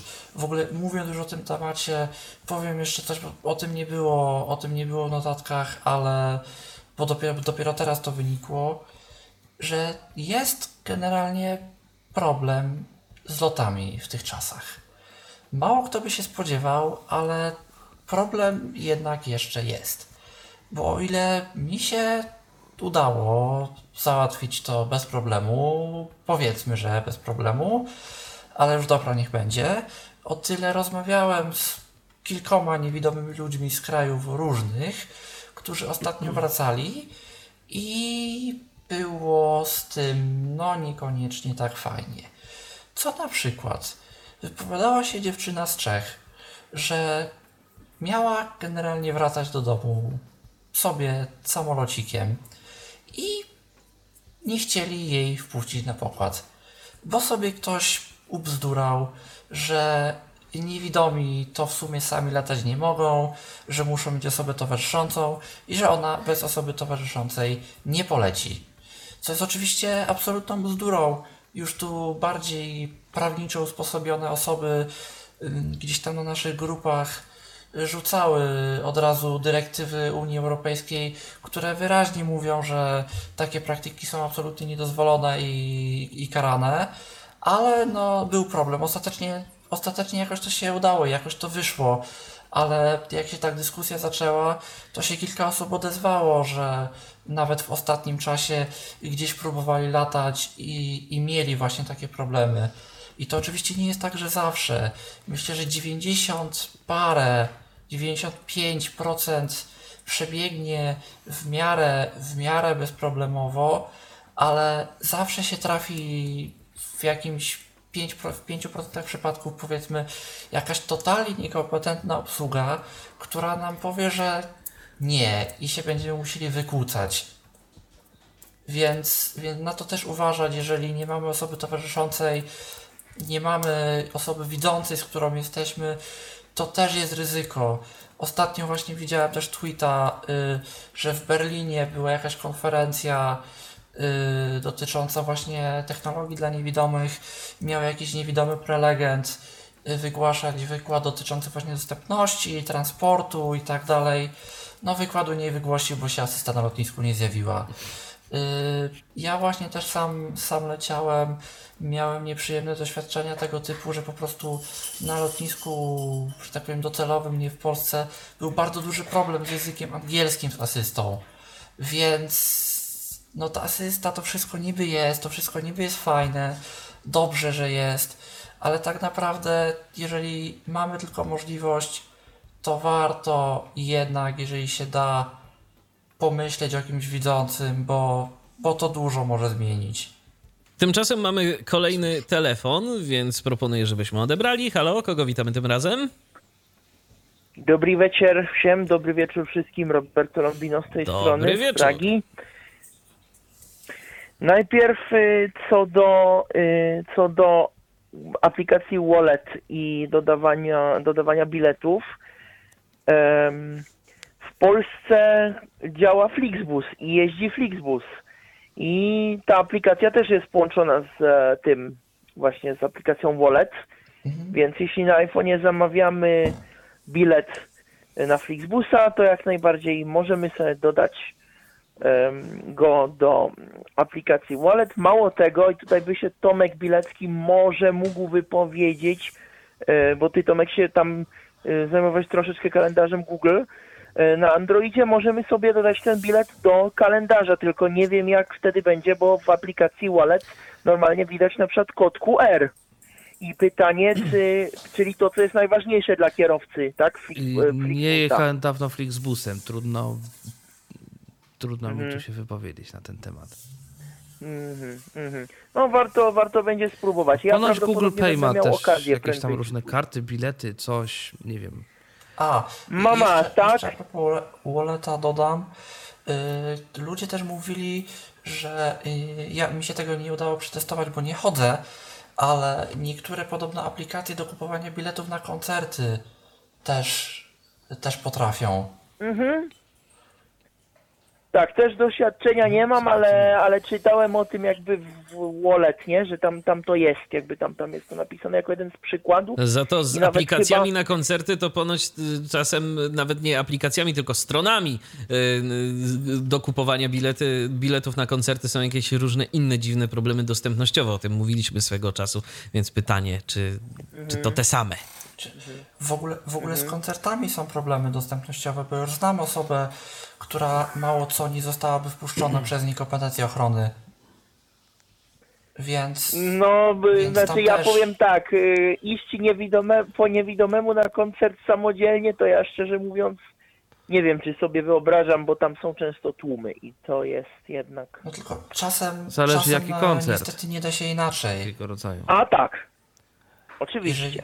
I czasem też. Ale no jasne, że to o czym ty mówisz, Mi- Mikołaj, to jest problem, no, no, no to jest problem.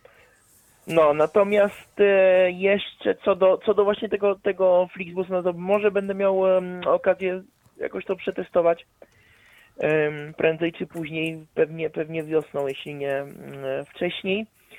A co do lotów, to tak krótko, no bo ja bym się mógł tu rozgadać, ale, ale to nie o to chodzi. Szkoda, że Pawła nie ma, on też ma Pawła Masarczyka, on ma wiele doświadczeń.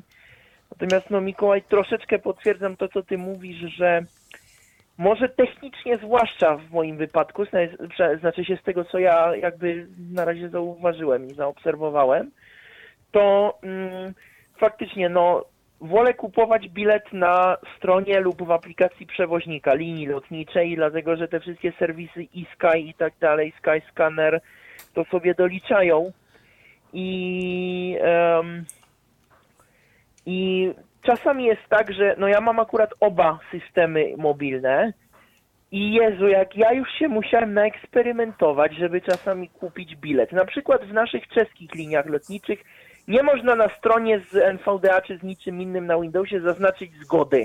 W związku z czym nie zakupimy biletu. Jedynym wyjściem sensownym jest aplikacja najlepiej na Androida w tym wypadku, a nie na iOS-a, jeśli chodzi o dostępność. A znowu lot polski ma chyba, a przynajmniej miał jeszcze kilka miesięcy temu, najlepiej z iPhone'em, a tam też były różne fajne rzeczy, trzeba było się naklikać.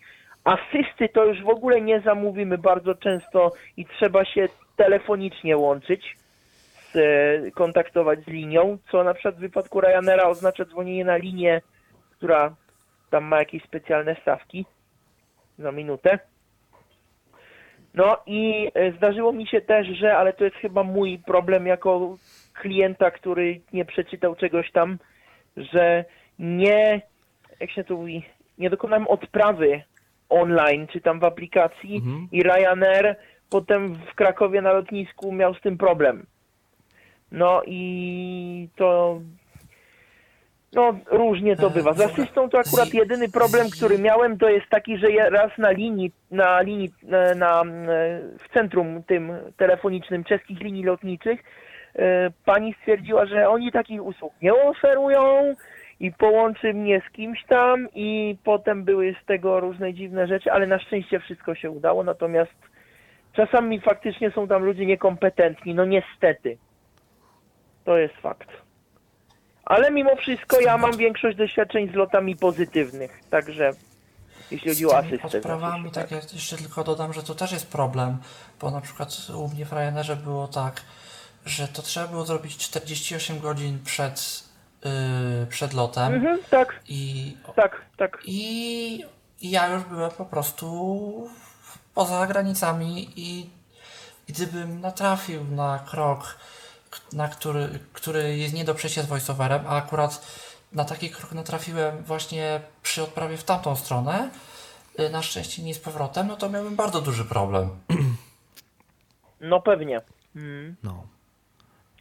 Więc, Dobrze. Więc To jest, dzięku- mhm. jest, jest ta No kwestia. tak. Jest właśnie Jest, jest. niby fajnie, ale jeszcze... Także pods- podsumowując, je- są z tym problemy i trzeba je jakoś rozwiązać. Zobaczymy. Niestety jeszcze są z tym problemy. Trzeba czasami eksperymentować. Zostaną tak. rozwiązane. Niestety. Może ktoś się tym kiedyś zajmie. Yy, Tymczasem, jeszcze troszkę zostając w temacie opłat, aplikacja Play24 ze wsparciem dla Apple Pay. Piotrek cię dawno się nie odzywał, to może. Tak, tak, dokładnie, dokładnie. Aplikacja Play24 w ostatnich dniach właśnie zyskała możliwość płatności za faktury Apple Payem, blikiem i przelewami. E, Jest to dobry i szybki sposób, który pozwala właśnie opłacić faktury. E, Jest to ważne w w ostatnich czasach, kiedy dostajemy czasami fałszywe faktury, które w mailu każą nam opłacić, więc w tej aplikacji takiej sytuacji nie będzie. Wszystkie faktury, które jeśli jesteśmy abonentami Playa znajdziemy w aplikacji y, są prawdziwe i po wejściu w daną fakturę y, klika, kliknięciu opłać, wybraniu metody płatności, czyli Apple Pay, bliku lub przelewu i potwierdzeniu zostaną pieniądze przelane za fakturę. Dostaniemy potwierdzenie płatności, dostaniemy informację, ile to nam czasu zajęło y, i ta faktura trafi do mm, zakładki opłacone i dzięki temu będziemy mog- mogli szybko i w prosty sposób zapłacić faktury za korzystanie z sieci Play.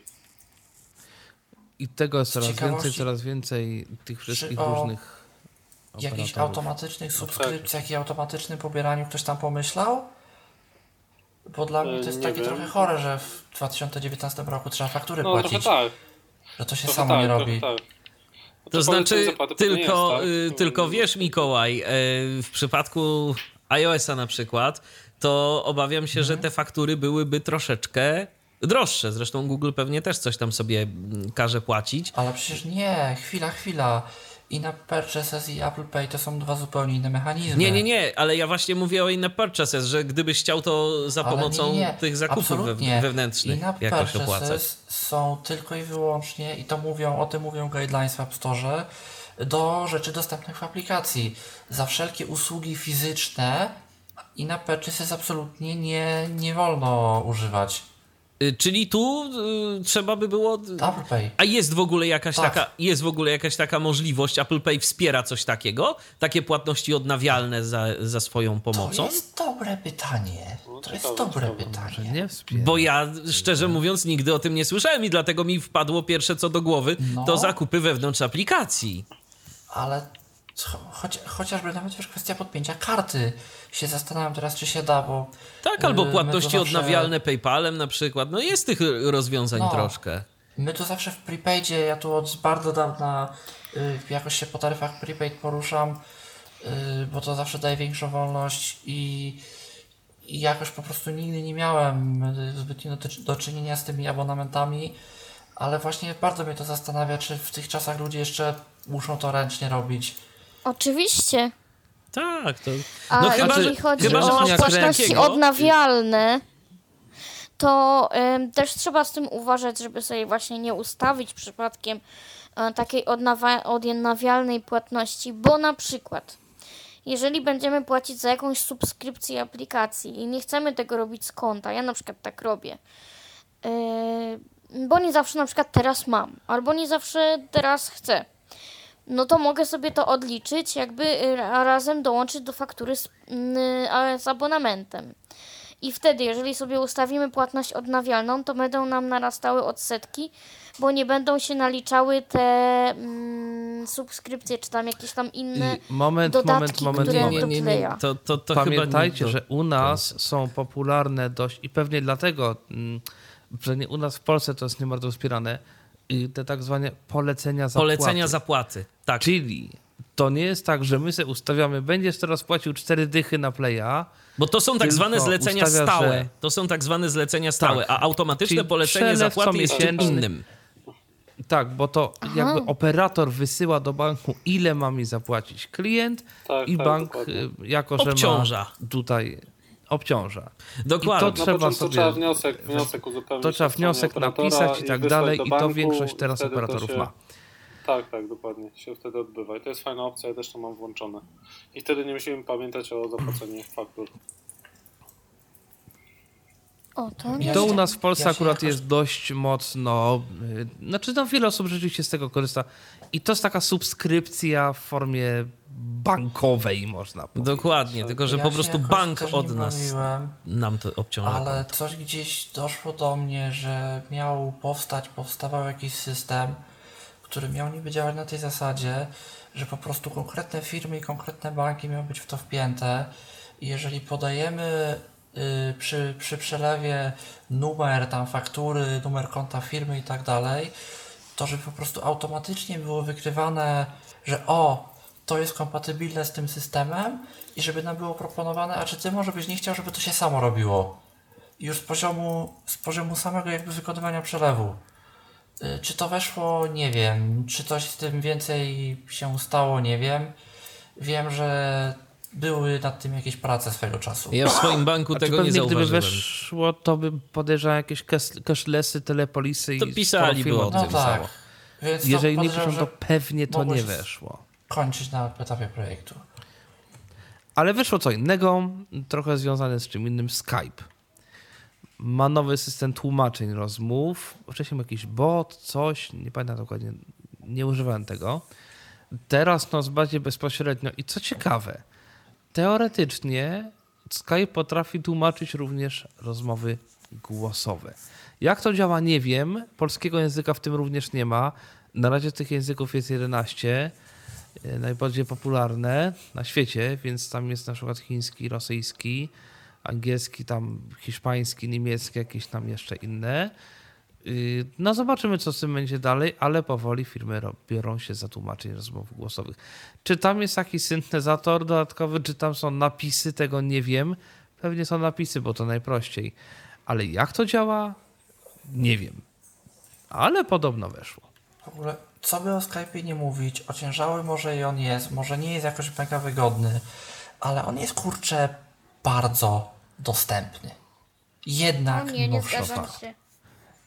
Nie zgadzam Przynajmniej na kompa. Nie wiem jak teraz. Na komputerze, na mobilne. komputerze jest on taki dość uciążliwy, ale aplikacja mobilna e, to jak Ale, najbardziej e, jest e, Co przyjazna. na przykład Skype ma?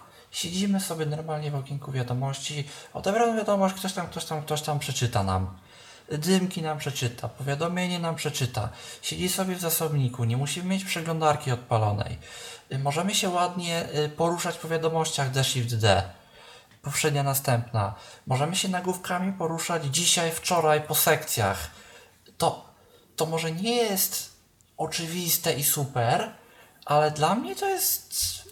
Ja, ja, ja też się bałem tego Skype'a 8, ja też nie chciałem tego Skype'a 8. No i Skype ma jedną Ale- bardzo, myślę, taką też przydatną funkcję, y, która y, szczególnie użytkownikom iPhone'ów może się przydać. Y, to jest mianowicie rejestrowanie rozmów.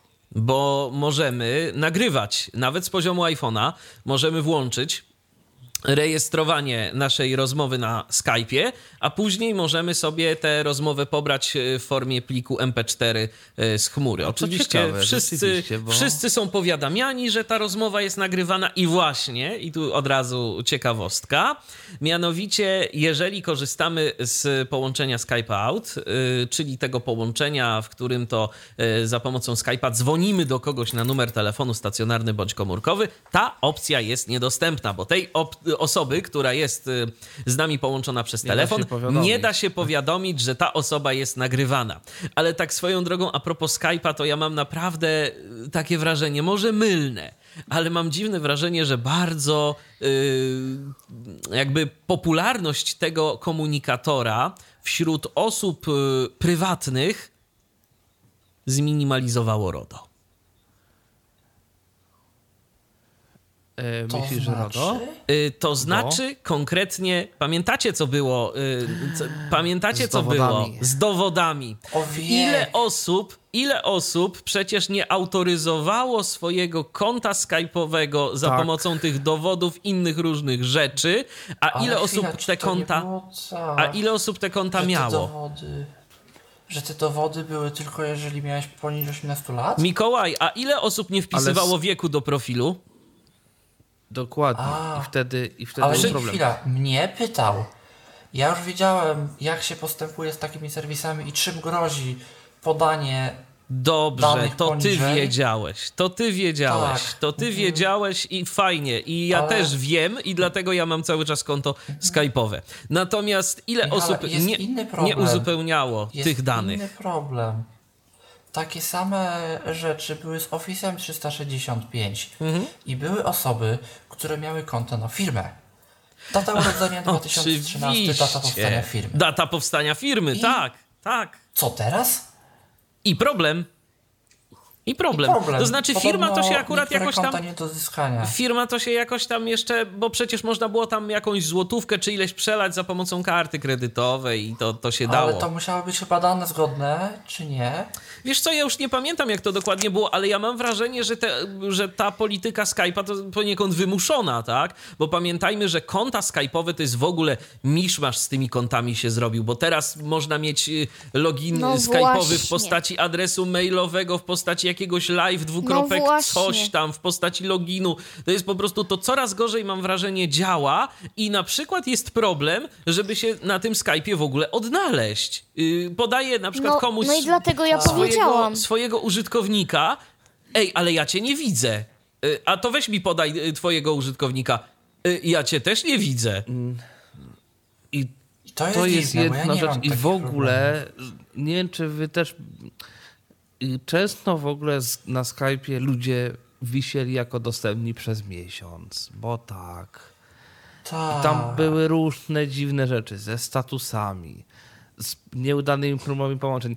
I teraz, gdy weszły wszystkie Vibery, Whatsappy, Messengery, Telegramy, Signale i milion innych komunikatorów, to nagle okazało się, że skoro Skype tak źle chodzi i ma problemy z nowodami, i w ogóle to jest aplikacja duża i nielubiana, bo to przecież jest fuj Microsoft, to trzeba się przenieść i się wszyscy przynieśli. I się ludzie Microsoft tak, i się ludzie, i się ludzie przenieśli, a Skype teraz tak naprawdę to przede wszystkim chyba już w ogóle jako Skype, jako usługa idzie jednak w tę stronę biznesową, gdzie mm, po prostu są całe grupy, e, które mają ten Skype for Business, to jest do wymiany jakichś tam rozmów, e, korespondencji, komunikatów e, I, w I w firmach. biznesie to tak szybko się nie zmienia, bo Dokładnie. wdrożenia to są raz Oczywiście. na lata i nikt tego Ale nie z zmienia.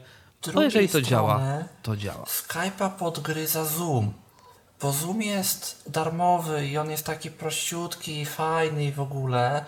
I Zoom, jak zresztą wiele nowych takich właśnie jest biznesowych fajnie dostępny. Yy, tak to też ma taką technikę, że nie duży deployment na całą firmę, tylko jeden team wprowadzi, drugi team wprowadzi, informatycy nie wiedzą coś tamtego, ktoś zainstaluje ten, zainstaluje tamten, a potem jak już cała firma ma, dobra jest, kupimy. No tak. No. I, to, I to bardzo często tak wygląda. I to naprawdę coraz więcej. I to nawet jakieś publiczne rzeczy typu, typu jakieś webinaria na przykład, to są bardzo często w tych czasach prowadzone po Zoomie. Za pomocą Zooma, oczywiście, że tak. I to moim zdaniem bardzo dobrze, bo Zoom dla nas jest y, fajnie dostępny, możemy z tego korzystać. Y, I to jest w ogóle, słuchajcie, inna też sprawa tych, tych wszystkich platform do e, webinarów tak zwanych. Teraz jest tego coraz to więcej, ale niestety, jak sobie prelegent wybierze niewłaściwą aplikację do tego, jakieś click to meeting na przykład, które było dość słabo dostępne. Ja się tym próbowałem trochę bawić, ale, ale jakoś nie spodobała mi się ta aplikacja. Ja kiedyś byłem zmuszony z niej korzystać. E, no i to, to, to też są problemy, ale można sobie tym radzić, można sobie mm, e, radzić w takich sytuacjach, skoro już tak rozmawiamy, e, w bardzo prosty sposób. Te większe aplikacje, nawet jeżeli nie są dostępne, jeżeli ich interfejsy nie są dostępne, bardzo często pozwalają na wdzwonienie się za pomocą telefonu. I oni mają, bo teraz Aha. telefony są tanie, y, mają y, linie zazwyczaj w wielu krajach, dostajemy odpowiedni numer telefonu, odpowiedni kod i możemy nawet taką konferencją zarządzać z poziomu klawiatury naszego telefonu, bo są odpowiednie no kody, proszę. żeby różne osoby tam autoryzować do wypowiedzi, żeby wyciszać, żeby coś tam tym zarządzać. No jest zawsze jakaś taka alternatywa. To ma też właśnie Zoom. Tam nawet jak się kliknie właśnie dołącz do, do konferencji, to mamy coś takiego, że jeżeli nie mamy aplikacji zainstalowanej, bo jeżeli mamy zainstalowaną na komputerze aplikację, to nam otworzy link w aplikacji. Jeżeli aplikacji nie mamy, to mamy opcję dołącz przez web. Ja w sumie nie wiem po co jest ta aplikacja, skoro można wejść przez web, ale no jest. Yy, ale mamy też opcję w dzwonsie i wybieramy sobie kraj, dostajemy numer dla tego kraju, dostajemy ilość I też to działa podobnie. Tam... Słuchajcie, ja myślę, że to jest w ogóle ciekawa rzecz a propos komunikatorów, natomiast jeszcze jest kilka tematów, które warto by po, poruszyć. E, a można swoją drogą zrobić jakąś audycję o takich O komunikatorach, tak, tak. Dzisiejszych, dzisiejszych. Które są dostępne, ogóle, co oferują i, i, i, i dlaczego. Nie ma dobrego się różnią. w tych czasach, niestety. E, dobra, ale to jest jakby na osobną, na osobną audycję. E, Tymczasem trochę tak dla odpoczynku yy, na temat elektronicznego różańca. Tu Piotrek wynalazł newsa. Tak, tak, dokładnie. Mm, po dwóch tygodniach od premiery y, różańca elektronicznego, y, stworzonego zresztą przy współpracy papieża Franciszka, y, trafią do Polski. Jest już do kupienia w sklepie Ace Store za cenę 449 zł, więc no nie jest tanią. No to takie ładne co łaska. Tak, dokładnie, dokładnie tak. Współpracuje on z aplikacją Click to Pray, gdzie może nam wspierać w modlitwie i w innych czynnościach. Na co dzień e, różaniec jest także opaską fitness, więc możemy używać jej jako właśnie opaski fitness. E, producent e, deklaruje, że jest ona wodoodporna i że na baterii wytrzymuje około 4 dni, więc to jest coś, myślę, tutaj jest sporo na taką paskę, no i zobaczymy jak ona się mm, wejdzie u nas w Polsce i czy, czy ktoś będzie ją używał, no i czy ona w ogóle będzie dostępna, bardziej aplikacja, czy będzie dostępna dla osób Właśnie. E, niewidomych. A wiecie, że już ta aplikacja... No, ale ta opaska ma kształt różańca? A wiecie, że już ta aplikacja to tak swoją drogą została jakoś tam w pewien sposób, to na niebezpieczniku o tym parę tygodni temu pisali, że ktoś już ją próbował schakować i mu się udało, ale, yy, ale zostało za pomocą jakiegoś linku potwierdzającego konto, coś tam można było zdziałać, czy, czy jakieś rzeczy tego typu i można było pobrać jakieś różne informacje, yy, ale zostało już to załatane, także można się bezpiecznie cybermodlić dalej. No, no cybermodlić. No to może nie cybermodlić, ale warto tutaj jakby, warto, żeby ktoś się znalazł w grupie wybranych użytkowników PKO. Dlatego, że PKO podobno wprowadza nowy serwis internetowy. Jeżeli jest się wybranym użytkownikiem, to po zalogowaniu można sobie wybrać, y, y, tam jest podobno link nowe PKO 24 i po kliknięciu tego linku mamy dostęp do nowego serwisu Ciekaw jestem, jak on jest dostępny dla niewidomych. Może ktoś ze słuchaczy będzie mógł to sprawdzić i może będzie mógł napisać do PKO, o ile w ogóle coś mu z tego wyjdzie, ale zawsze lepiej napisać niż nie napisać. Z ciekawości patrzył ktoś na ten nowy M-Bank? Dostępny on jest? Jeszcze nie patrzyłem. Coś czytałem, ale w ogóle mi to z głowy wyleciało. Ale chodzi o M-Transfer, czy? Yy, nie, nowy interfejs znowu zmieniają.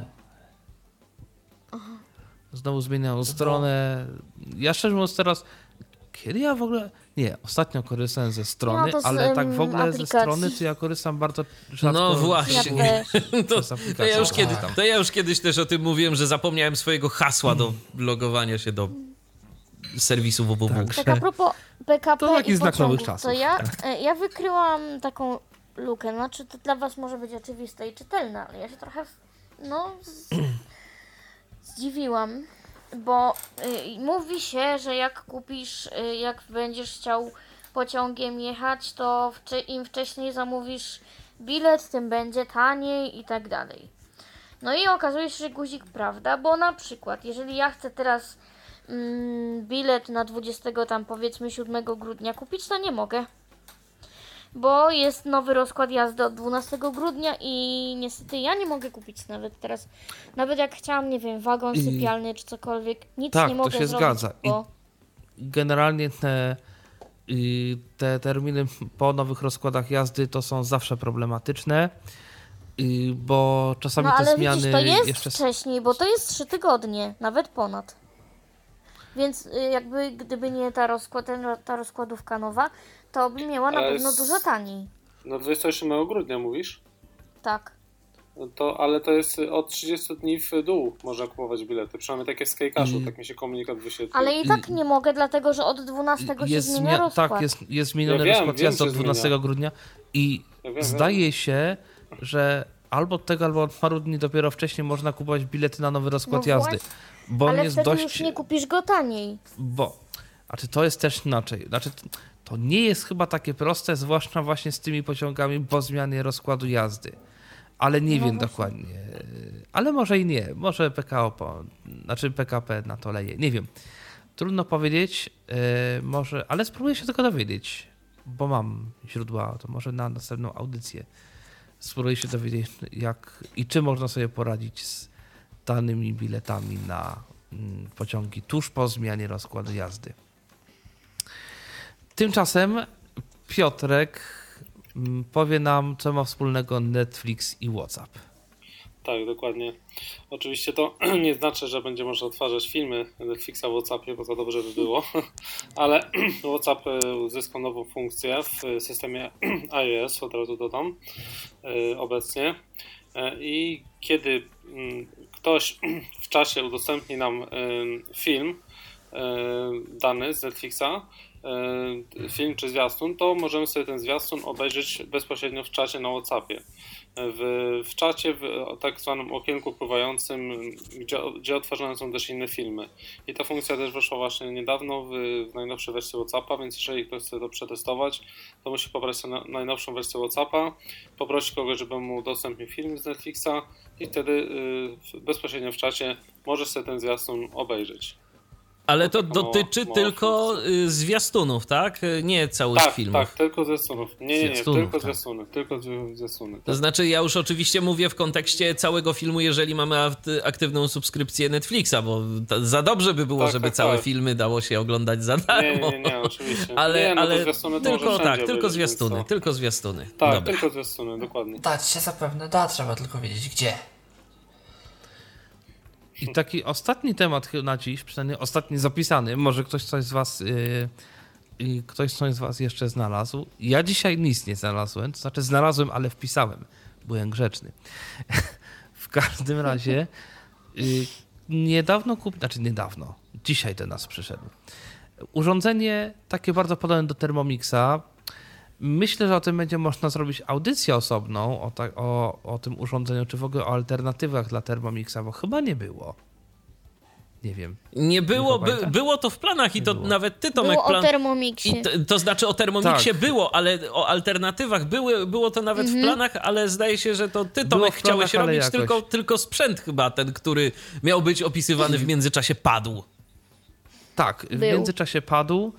Yy, natomiast generalnie znowu, my się nie poddajemy i kupiliśmy nowy. Może, generalnie rzecz to biorąc- Wszystko służy, bo ja tak i podejrzewam, Już mówię.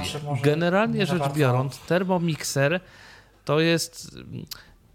Z opisu to nie brzmi zachęcająco jakoś za bardzo. Bo to jest mikser z możliwością podgrzania miksowanej potrawy. I to niby nie jest nic, ale tak naprawdę okazuje się, że dzisiaj zrobiliśmy zupę całkowicie w termomikserze. Y, od początku do końca. Y, włącznie z posiekaniem składników na tę zupę. Także jakby to jest rzecz, która się przydaje w kuchni i rzeczywiście jest w stanie sporo urządzeń w tej kuchni zastąpić jednym.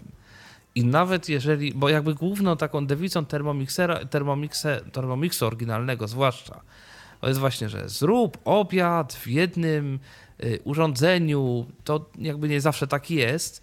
Natomiast tak czy tak, y, on jest w stanie rzeczywiście kilka urządzeń nam zastąpić, głównie robot kuchenny i blender. Mm, plus tak, oczywiście to, że ma podgrzewanie więc jakieś tam dodatki tak? też można. Też możemy ugotować. na parze jeszcze. też można ugotować, tak, więc tak, generalnie tak, no sporo dość rzeczy takich. Y, jeżeli mamy małą kuchnię, to myślę, że urządzenie to jest dość fajne. I teraz jest problem. Dlatego, że oczywiście najsłynniejszym termomikserem no jest właśnie Thermomix tej firmy Vorwerk, czy jak to się czyta. Tak, Vorwerk, mhm, dokładnie. Y, I teraz no, była wersja fajna dla nas, bo z przyciskami TM31 Potem weszła wersja z Wi-Fi, gorzej, bo z ekranem dotykowym, TM5. E, Ale ja w tym roku. Obsługuję od razu, ja go obsługuję i, i da się obsłużyć. Ten TM5. ale w tym roku weszła nowa, jeszcze nowsza wersja, TM6. I też go oczywiście, obsłużyć. Oczywiście też dotykowa. Możliwe, że da się obsłużyć. Pytanie jak z Androidem. Natomiast no, nie wszyscy jakby chcą używać iPhone'a, zwłaszcza w kuchni. Bo o ile osoby widzące jakby, znaczy może inaczej, często gęsto my jako osoby niewidome, no mamy niestety jakiś czasem problem z tym, że musimy dotknąć różnych składników, których osoba widząca dotykać nie musi. I oczywiście da się z tym poradzić. Natomiast nie każdy jest w stanie obsłużyć taki smartfon w kuchni i nie każdemu to się podoba. I dla tych osób jest kilka alternatyw do Thermomixera, do Thermomixa oryginalnego. Zwłaszcza, że Thermomix oryginalny jest, było, nie było bardzo drogi. Najnowsza wersja kosztuje skromne 5300 zł.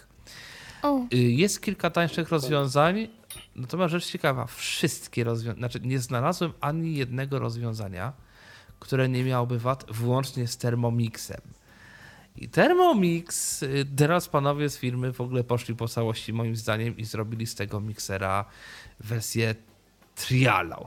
Dlatego, że nowy Thermomix tam się w materiałach reklamowych no się chwalą tym, że ma funkcję smażenia. Czyli można sobie zwiększyć temperaturę do 180 stopni. Ale te 180 stopni jest dostępne tylko w przepisach. Znaczy chodzi o to, że Thermomix od tej wersji 5 yy, może działać w ten sposób, że na przykład yy, w aplikacji tam mówię, że chcę zrobić teraz yy, nie wiem, kurczaka po afgańsku, czy tam cokolwiek. I teraz mówi, Włóż do naczynia miksującego kurczaka. Wkładam. Naciskam Ale to do, następny trochę, krok. Trochę to jest inaczej. To, to nie w aplikacji, tylko ekran ma dotykowy. Tak, znaczy na ekranie Tam dotykowym. Na... A w aplikacji tak, tak, się nie to da? Nie w aplikacji, to nie, nie, w aplikacji się nie da. W aplikacji są przepisy tylko, ale i w O, to zaraz, to zaraz w takim razie powiem o tym, że nie mogą niewidomi korzystać z najnowszej funkcji. Bo yy, uwaga, uwaga Yy, najnowszy TM6 tą funkcję smażenia ma tylko w tych przepisach.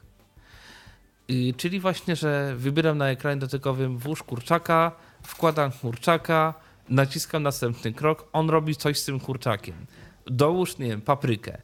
Dokładam paprykę, zamykam, on coś robi. Dołóż coś tam jeszcze.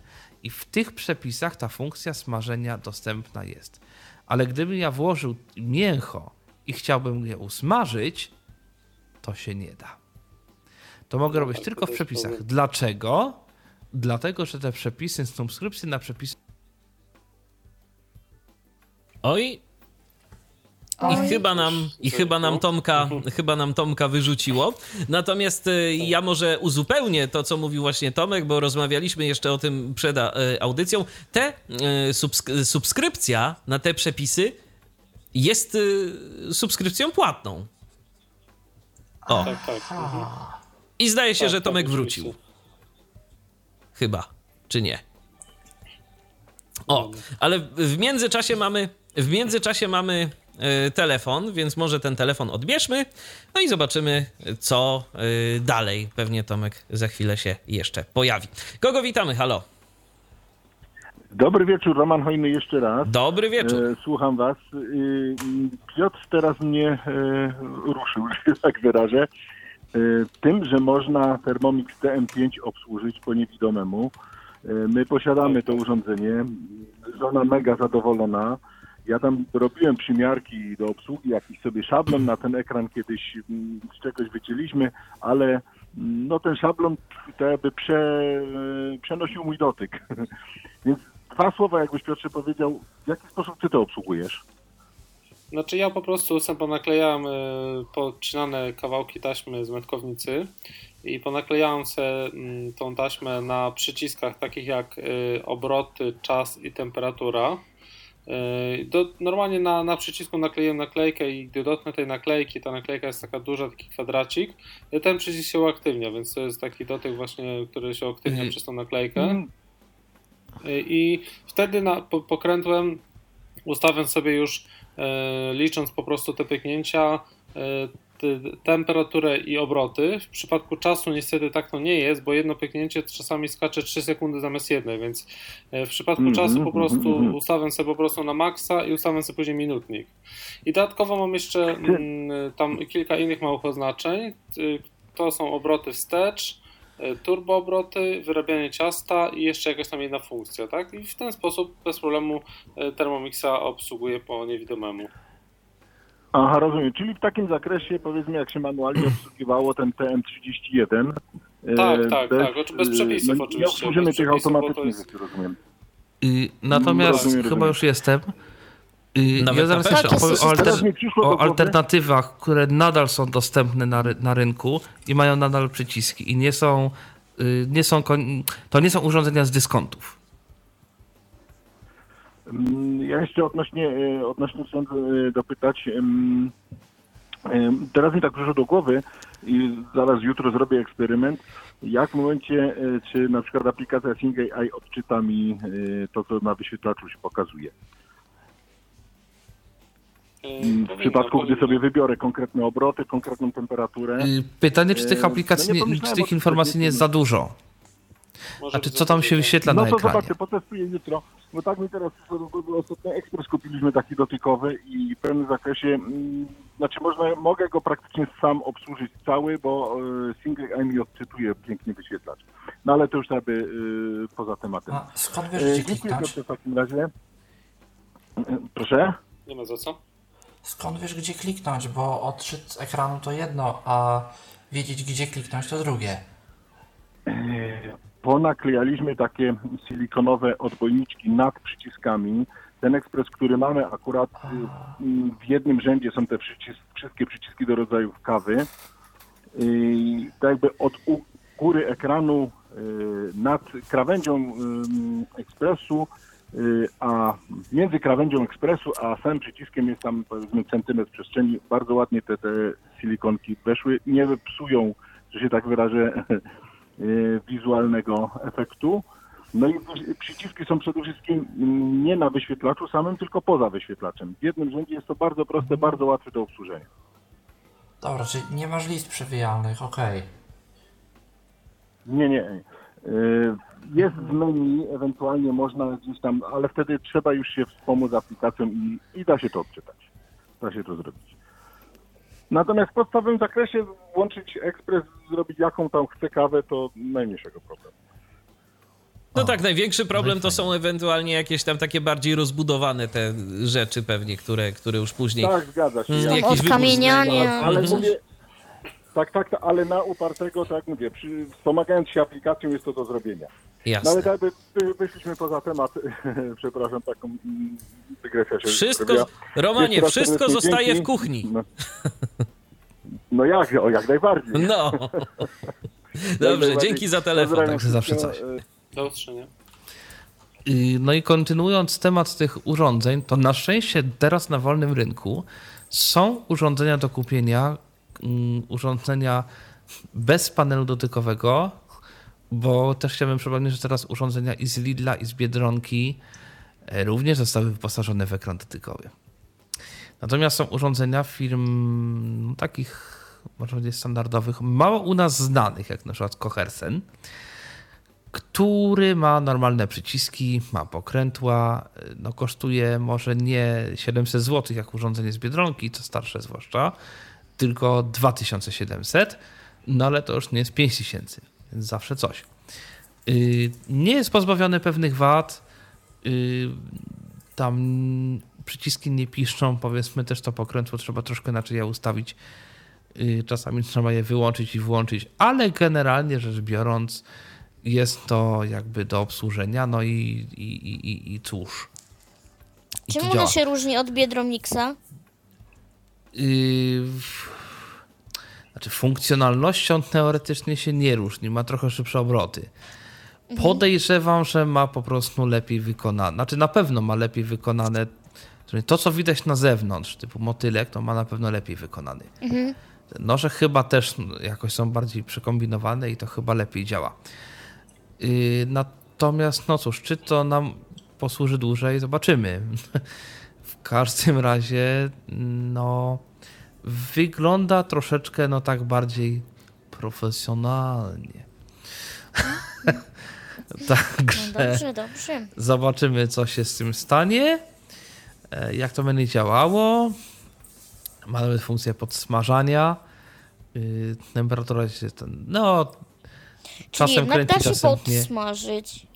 Ale na 130 Jakąś stopniach. cebulkę czy coś. A y, TM6 ma 180 stopni. I to już jest takie smażenie lepsze. Mhm. Takie bardziej prawdziwe. No ale jakbyś dłużej podsmażał i podsmażał, to w końcu by ci się usmażyło. To może, chociaż też nie wszystko. No i też TM6 ma no, jedną funkcję nową. smażyć, skoro miesza? Yy, nie, on tak delikatnie. No chodzi o to, tak jak się miesza na patelni, tak, żeby się nie, nie przewierało. Tak, tak, to on tak sekundę miesza, trzy sekundy czeka, sekundę mhm. miesza, trzy sekundy czeka. I żeby to się nie. On bardziej nie przemiesza niż wymiesza. Mhm. No, nie mieli, coś... tylko tak. Tak, on tak sobie powolutku i to jest takie bardzo powolne rzeczywiście mieszanie takie, żeby... Natomiast TM6 i to już się chyba da ustawić y, z aplikacji, Y, nie ma maksymalnego czasu dwie, y, półtorej godziny, tylko 12 godzin. Dlaczego? Dlatego, że na przykład można robić jogurty, można. A tak, tak. Można w tej takiej. Nie wiem, jak to się czyta. Soul. Saus. Salzwilde. y, czyli to gotowanie w niskich temperaturach bardzo długie. Karmelizować można, może to. Też. Różne rzeczy można w tym robić, teoretycznie nowe, których się wcześniej nie, nie dało. I to już normalnie można przez aplikację robić. No ale 5300 trzeba mieć. Także... Ja w ogóle pałam, szczerze mówiąc, niechęcią graniczącą z nienawiścią y, do urządzeń, które niby są moje, niby ja je mogę kupić, a praktycznie to są na tyle moje, że w oprogramowaniu mam jakieś blokady pozakładane. Więc. Bo to, bo to mówię, zawsze może aktualizacja wyjść i to się może bardzo nieładnie zepsuć. Tak przecież ostatnio była słynna sprawa z drukarkami HP było super, kupili sobie ludzie tanie drukarki HP, po czym pół roku później wyszła automatyczna aktualizacja, której się nie dało odinstalować, która po prostu blokowała nieautoryzowane tonery, a autoryzowane tonery były drogie. I no z tonerami tyle. to jest w ogóle problem generalnie i, i już. Natomiast, y, no cóż, wychodzi na to, że już nie tylko drukarek trzeba się bać, jeśli chodzi o urządzenia. Teraz już AGD mają reklamy i jakby jakiś taki wersję trial yy, sprzętowym, także no może nie jest dopóki to... nie będzie, jakoś... słuchajcie, dopóki nie będzie opcji, jak nie, jak nie kupisz, nie przedłużysz abonamentu, to cię zatrujemy czymś niefajnym, to, to chyba jeszcze nie jest aż tak źle. To jest jak prawda. Kiedyś, jak kiedyś Rafał Kosik pisał w książce, nie zapłacił rad i mu się garnitur rozpruł, bo no tak, znaczy Rafał Kosik to lubi takie rzeczy pisać. System tak. się zabezpieczył tak. I czy to, to jest, tak, to, i czy to jest aż tak wielka dochodzi. fantastyka? To... No, czas pokaże. Zobaczymy. Ale to nie tylko Rafał Kosik, to już paru y, pisało. e, właśnie tego typu sprawy. Chyba też Zajdel w którymś opowiadaniu pisał, że gościowi się samochód roz, rozkraczył, odzież się też roz... Oj, z samochodami to już przecież To- to- no, to już są różne mechanizmy. Z jednej strony w słusznej Pewnie. sprawie, bo oczywiście broniące przed e, złodziejami, że można sobie zdalnie taką Teslę na przykład e, zablokować, ale z drugiej strony pytanie, w jakim celu kiedyś ktoś tego użyje. Y, To się zgadza. Nie, tu bardziej właśnie chodziło o to, że do, dobiegł końca czas przydatności samochodu, więc samochód się rozpływa, że tak powiem. Aha. Y, Przecież Tesla, Tesla ostatnio na... wydała aktualizację i w liście zmian napisała, że funkcje, które były dostępne, a dostępne nie powinny być, gdyż państwa oferta ich nie przewiduje, zostaną zablokowane. W celu odblokowania tych funkcji prosimy skontaktować Proszę się z serwisem. zapłacić. Oczywiście wszystko można było zrobić z domu, przez aplikację, bo to nie były żadne sprzętowe blokady, to były blokady typowo programowe, ale no, jak widać, można. A ja mam, a ja mam taką nadzieję, już tak chyba zbi- zbliżając do brzegu i podsumowując, że kiedyś sobie będziemy mogli o Teslach albo innych tego typu autkach porozmawiać w sekcji Tyflo, a nie w technikaliach.